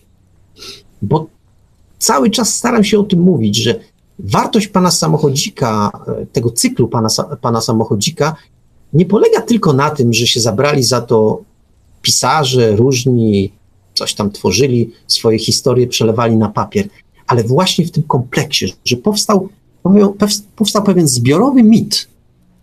No, może za dużo, może za dużo, za mocno strzelam. Więc powstała pewna opowieść taka, y, która już jest kojarzona. No, dla mnie ten przykład z tymi recenzentami był bardzo dobry. Pan samochodzik jako odwołanie się do czegoś, do pewnego zjawiska, ale też pan samochodzik bywa dzisiaj przytaczany przez wiele osób e, już nie po to, żeby mówić o panu samochodziku, tylko żeby mówić o różnych innych zjawiskach przez odniesienie mhm. się na przykład. Tak. I to świadczy o pewnej sile jednak. To moim zdaniem jest y, fajna sprawa. Fajna sprawa po prostu. Powiem jeszcze już naprawdę na koniec, naprawdę na koniec, obiecuję, powiem o tym, że Pierwszą osobą, która wprowadziła do y, pana samochodzika elementy takiej fikcji, gdzieś ocierającej się o science fiction, był oczywiście Nienacki. Bo w tym tomie y, Pan Samochodzik i Człowiek z UFO, czy też tym nowym, y, pod nową nazwą Pan Samochodzik Nieśmiertelny, taki wątek SF się pojawia. On jest niewyeksponowany, on jest tak troszeczkę z tyłu, ale jest jasny. Dla każdego, kto, kto z fantastyką naukową się styka, jest jasne, że to taki wątek jest. Oczywiście Nienacki to tak zakręca, zakręca, że to tak na końcu nie wiadomo, czy to tak było, czy nie było, okej. Okay. Ale to był dobry trop. Próbował też takie wątki wprowadzać Pilipiuk. No, ciągnęło wilka do lasu. I wspomniane już, wspomniane już kuzynki, ten, ten, ten tom o alchemiku sędziwoju zawiera w sobie elementy fantastyki. To taki bardziej naukowy jednak niż nie. No to ja już pojechałem po całości, za co y, miłośnicy, miłośnicy, niektórzy miłośnicy pana samochodzika mnie nienawidzą, e, y, dźwigam na sobie to odium, za co mnie nienawidzą? No głównie za to, że ja do kilku tomów wprowadziłem elementy SF.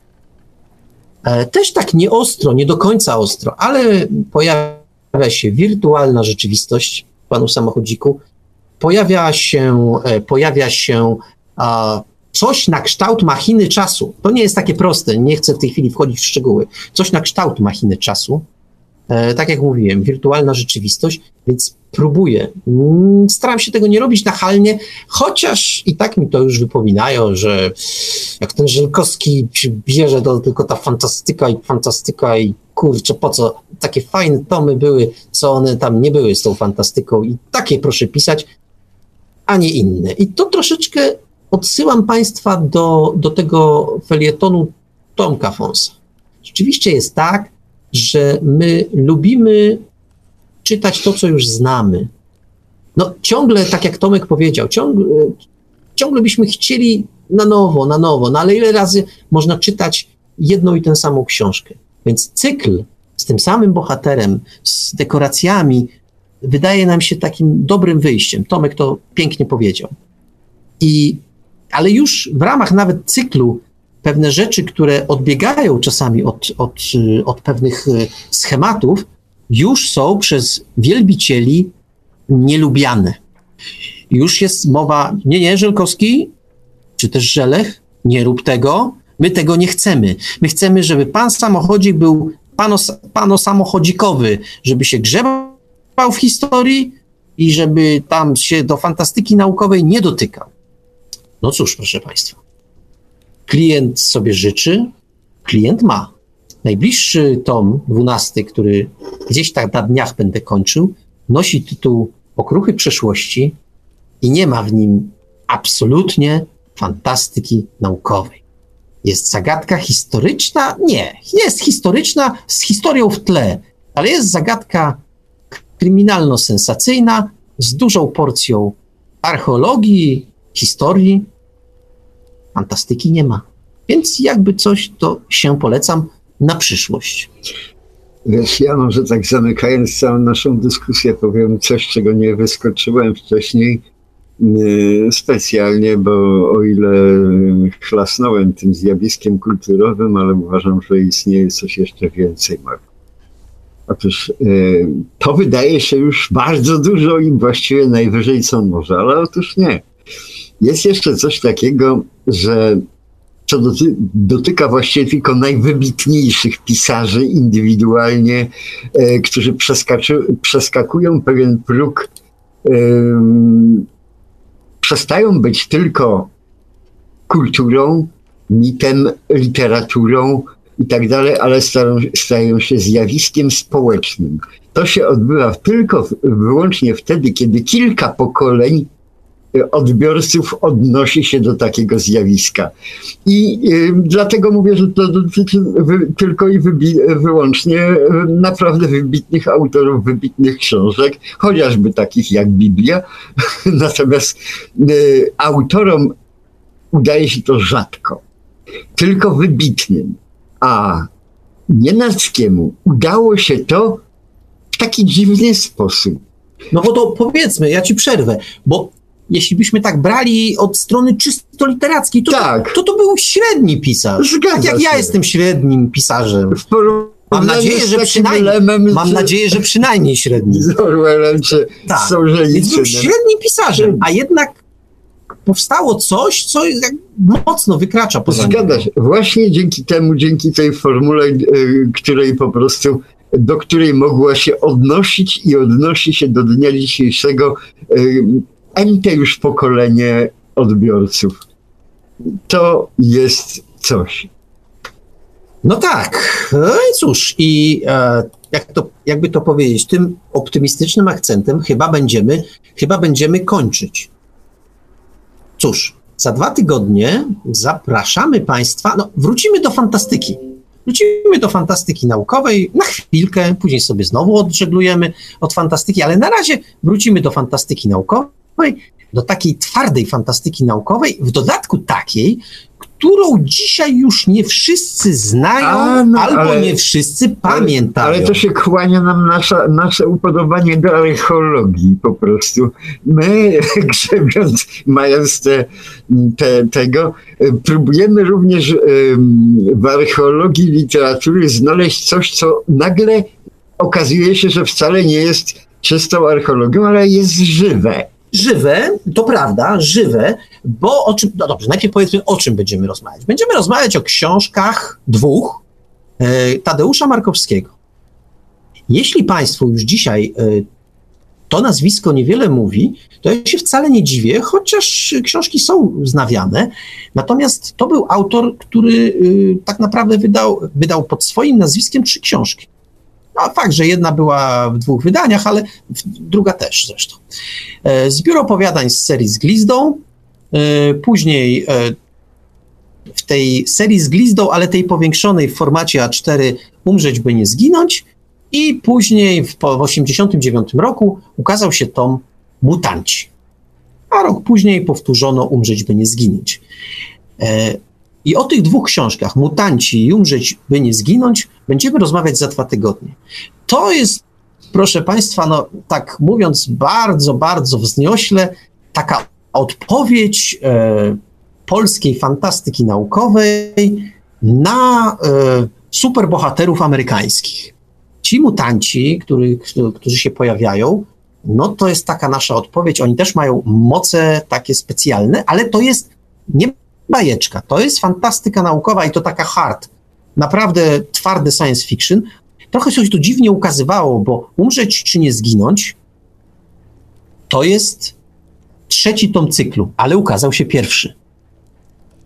Tom Mutanci to jest pierwszy tom cyklu, ale ukazał się jako drugi. No to powstaje pytanie. Jest trzeci tom cyklu, który się ukazał pierwszy. Jest, y, jest kolejny tom. A gdzie jest ten, ten środkowy? No ale no, żeś mi zagmatwał. Ja, ja teraz mam, ja mam trójkę dzieci i teraz nie wiem, które było pierwsze, a które powinno być drugie, y, a które jest środkowe, nie? No widzisz. Trochę to skomplikowane, ale o tym, gdzie się znajduje tom drugi, albo w ogóle czy jest tom drugi i tak dalej, i tak dalej, no to porozmawiamy, porozmawiamy za dwa tygodnie. Przypomnę, Tadeusz Markowski, książka Mutanci i książka Umrzeć, by nie zginąć. Robiłem do niej okładkę. Robił Wiktor do niej okładkę, to prawda. E, piękna kreska, fajnie to, fajnie, to można, fajnie to można rozpoznać. Wiktor miał specyficzną kreskę. Jak sobie Państwo do serii z glizdą, nawet w internecie można zobaczyć, do tej serii z glizdą zobaczycie, to wydawaną przez KAF, no to naprawdę były takie okładki, że hej. Jak na tamte czasy. No jak na tamte czasy, no wszystko się, wszystko się zmienia. No to cóż, zapraszamy za dwa tygodnie na przygodę z archeologiczną science fiction, ale to nieprawda, no muszę to powiedzieć. Y, Wojtek Sedeńko w SF-ie wydał oba te tomy i one paradoksalnie, no nie, to właśnie nie paradoksalnie, to właśnie dobrze, cieszą się olbrzymią popularnością. Ta taka przygodowa fantastyka, która wtedy w PRL-u była trochę tępiona, yy, trochę jej nie chciano. Ona się okazuje czasami mniej zestarzała niż ta bardzo natchniona, nawiedzona, e, socjologiczna i tak dalej, i tak dalej. No, pewno można by podyskutować. W każdym razie my zapraszamy za dwa tygodnie na opowieść o twórczości Tadeusza Markowskiego, no a za tydzień, a za tydzień ABW i znowu sobie pogadamy, proszę Państwa, z autorem. I tym optymistycznym akcentem żegnamy się, dobranoc, wszystkiego dobrego, piszącym weny, weny, weny, czytającym samych dobrych książek. Do kolejnego zabawienia. Dobranoc. Dobranoc. A mówili te słowa do Państwa jak zawsze gospodarze normalnego bibliotekarium Marek Żelkowski, Wiktor Żwikiewicz. Audycję jak zawsze od strony technicznej obsługiwał Marek Synkiewelios, Radio Paranormalium, Paranormalny Głos w Twoim domu. Dziękujemy za uwagę, no i oczywiście do usłyszenia już za tydzień, tym razem w ABW, no i na żywo w kolejnym normalnym bibliotekarium już za dwa tygodnie. A ja, Iweliosie, powiem e, na końcu coś takiego. Tak mnie prowokujesz i prowokujesz z tym normalnym bibliotekarium, że ja już od kilku tygodni myślę, jak zrobić nienormalny bibliotekarium. I jeszcze nie mam takiej wyklarowanej koncepcji, ale powoli się rodzi i pewnego dnia będziesz to musiał zapowiedzieć inaczej. To jeszcze raz dobranoc. Boję. Dobranoc i do usłyszenia. Produkcja i realizacja Radio Paranormalium. Www.paranormalium.pl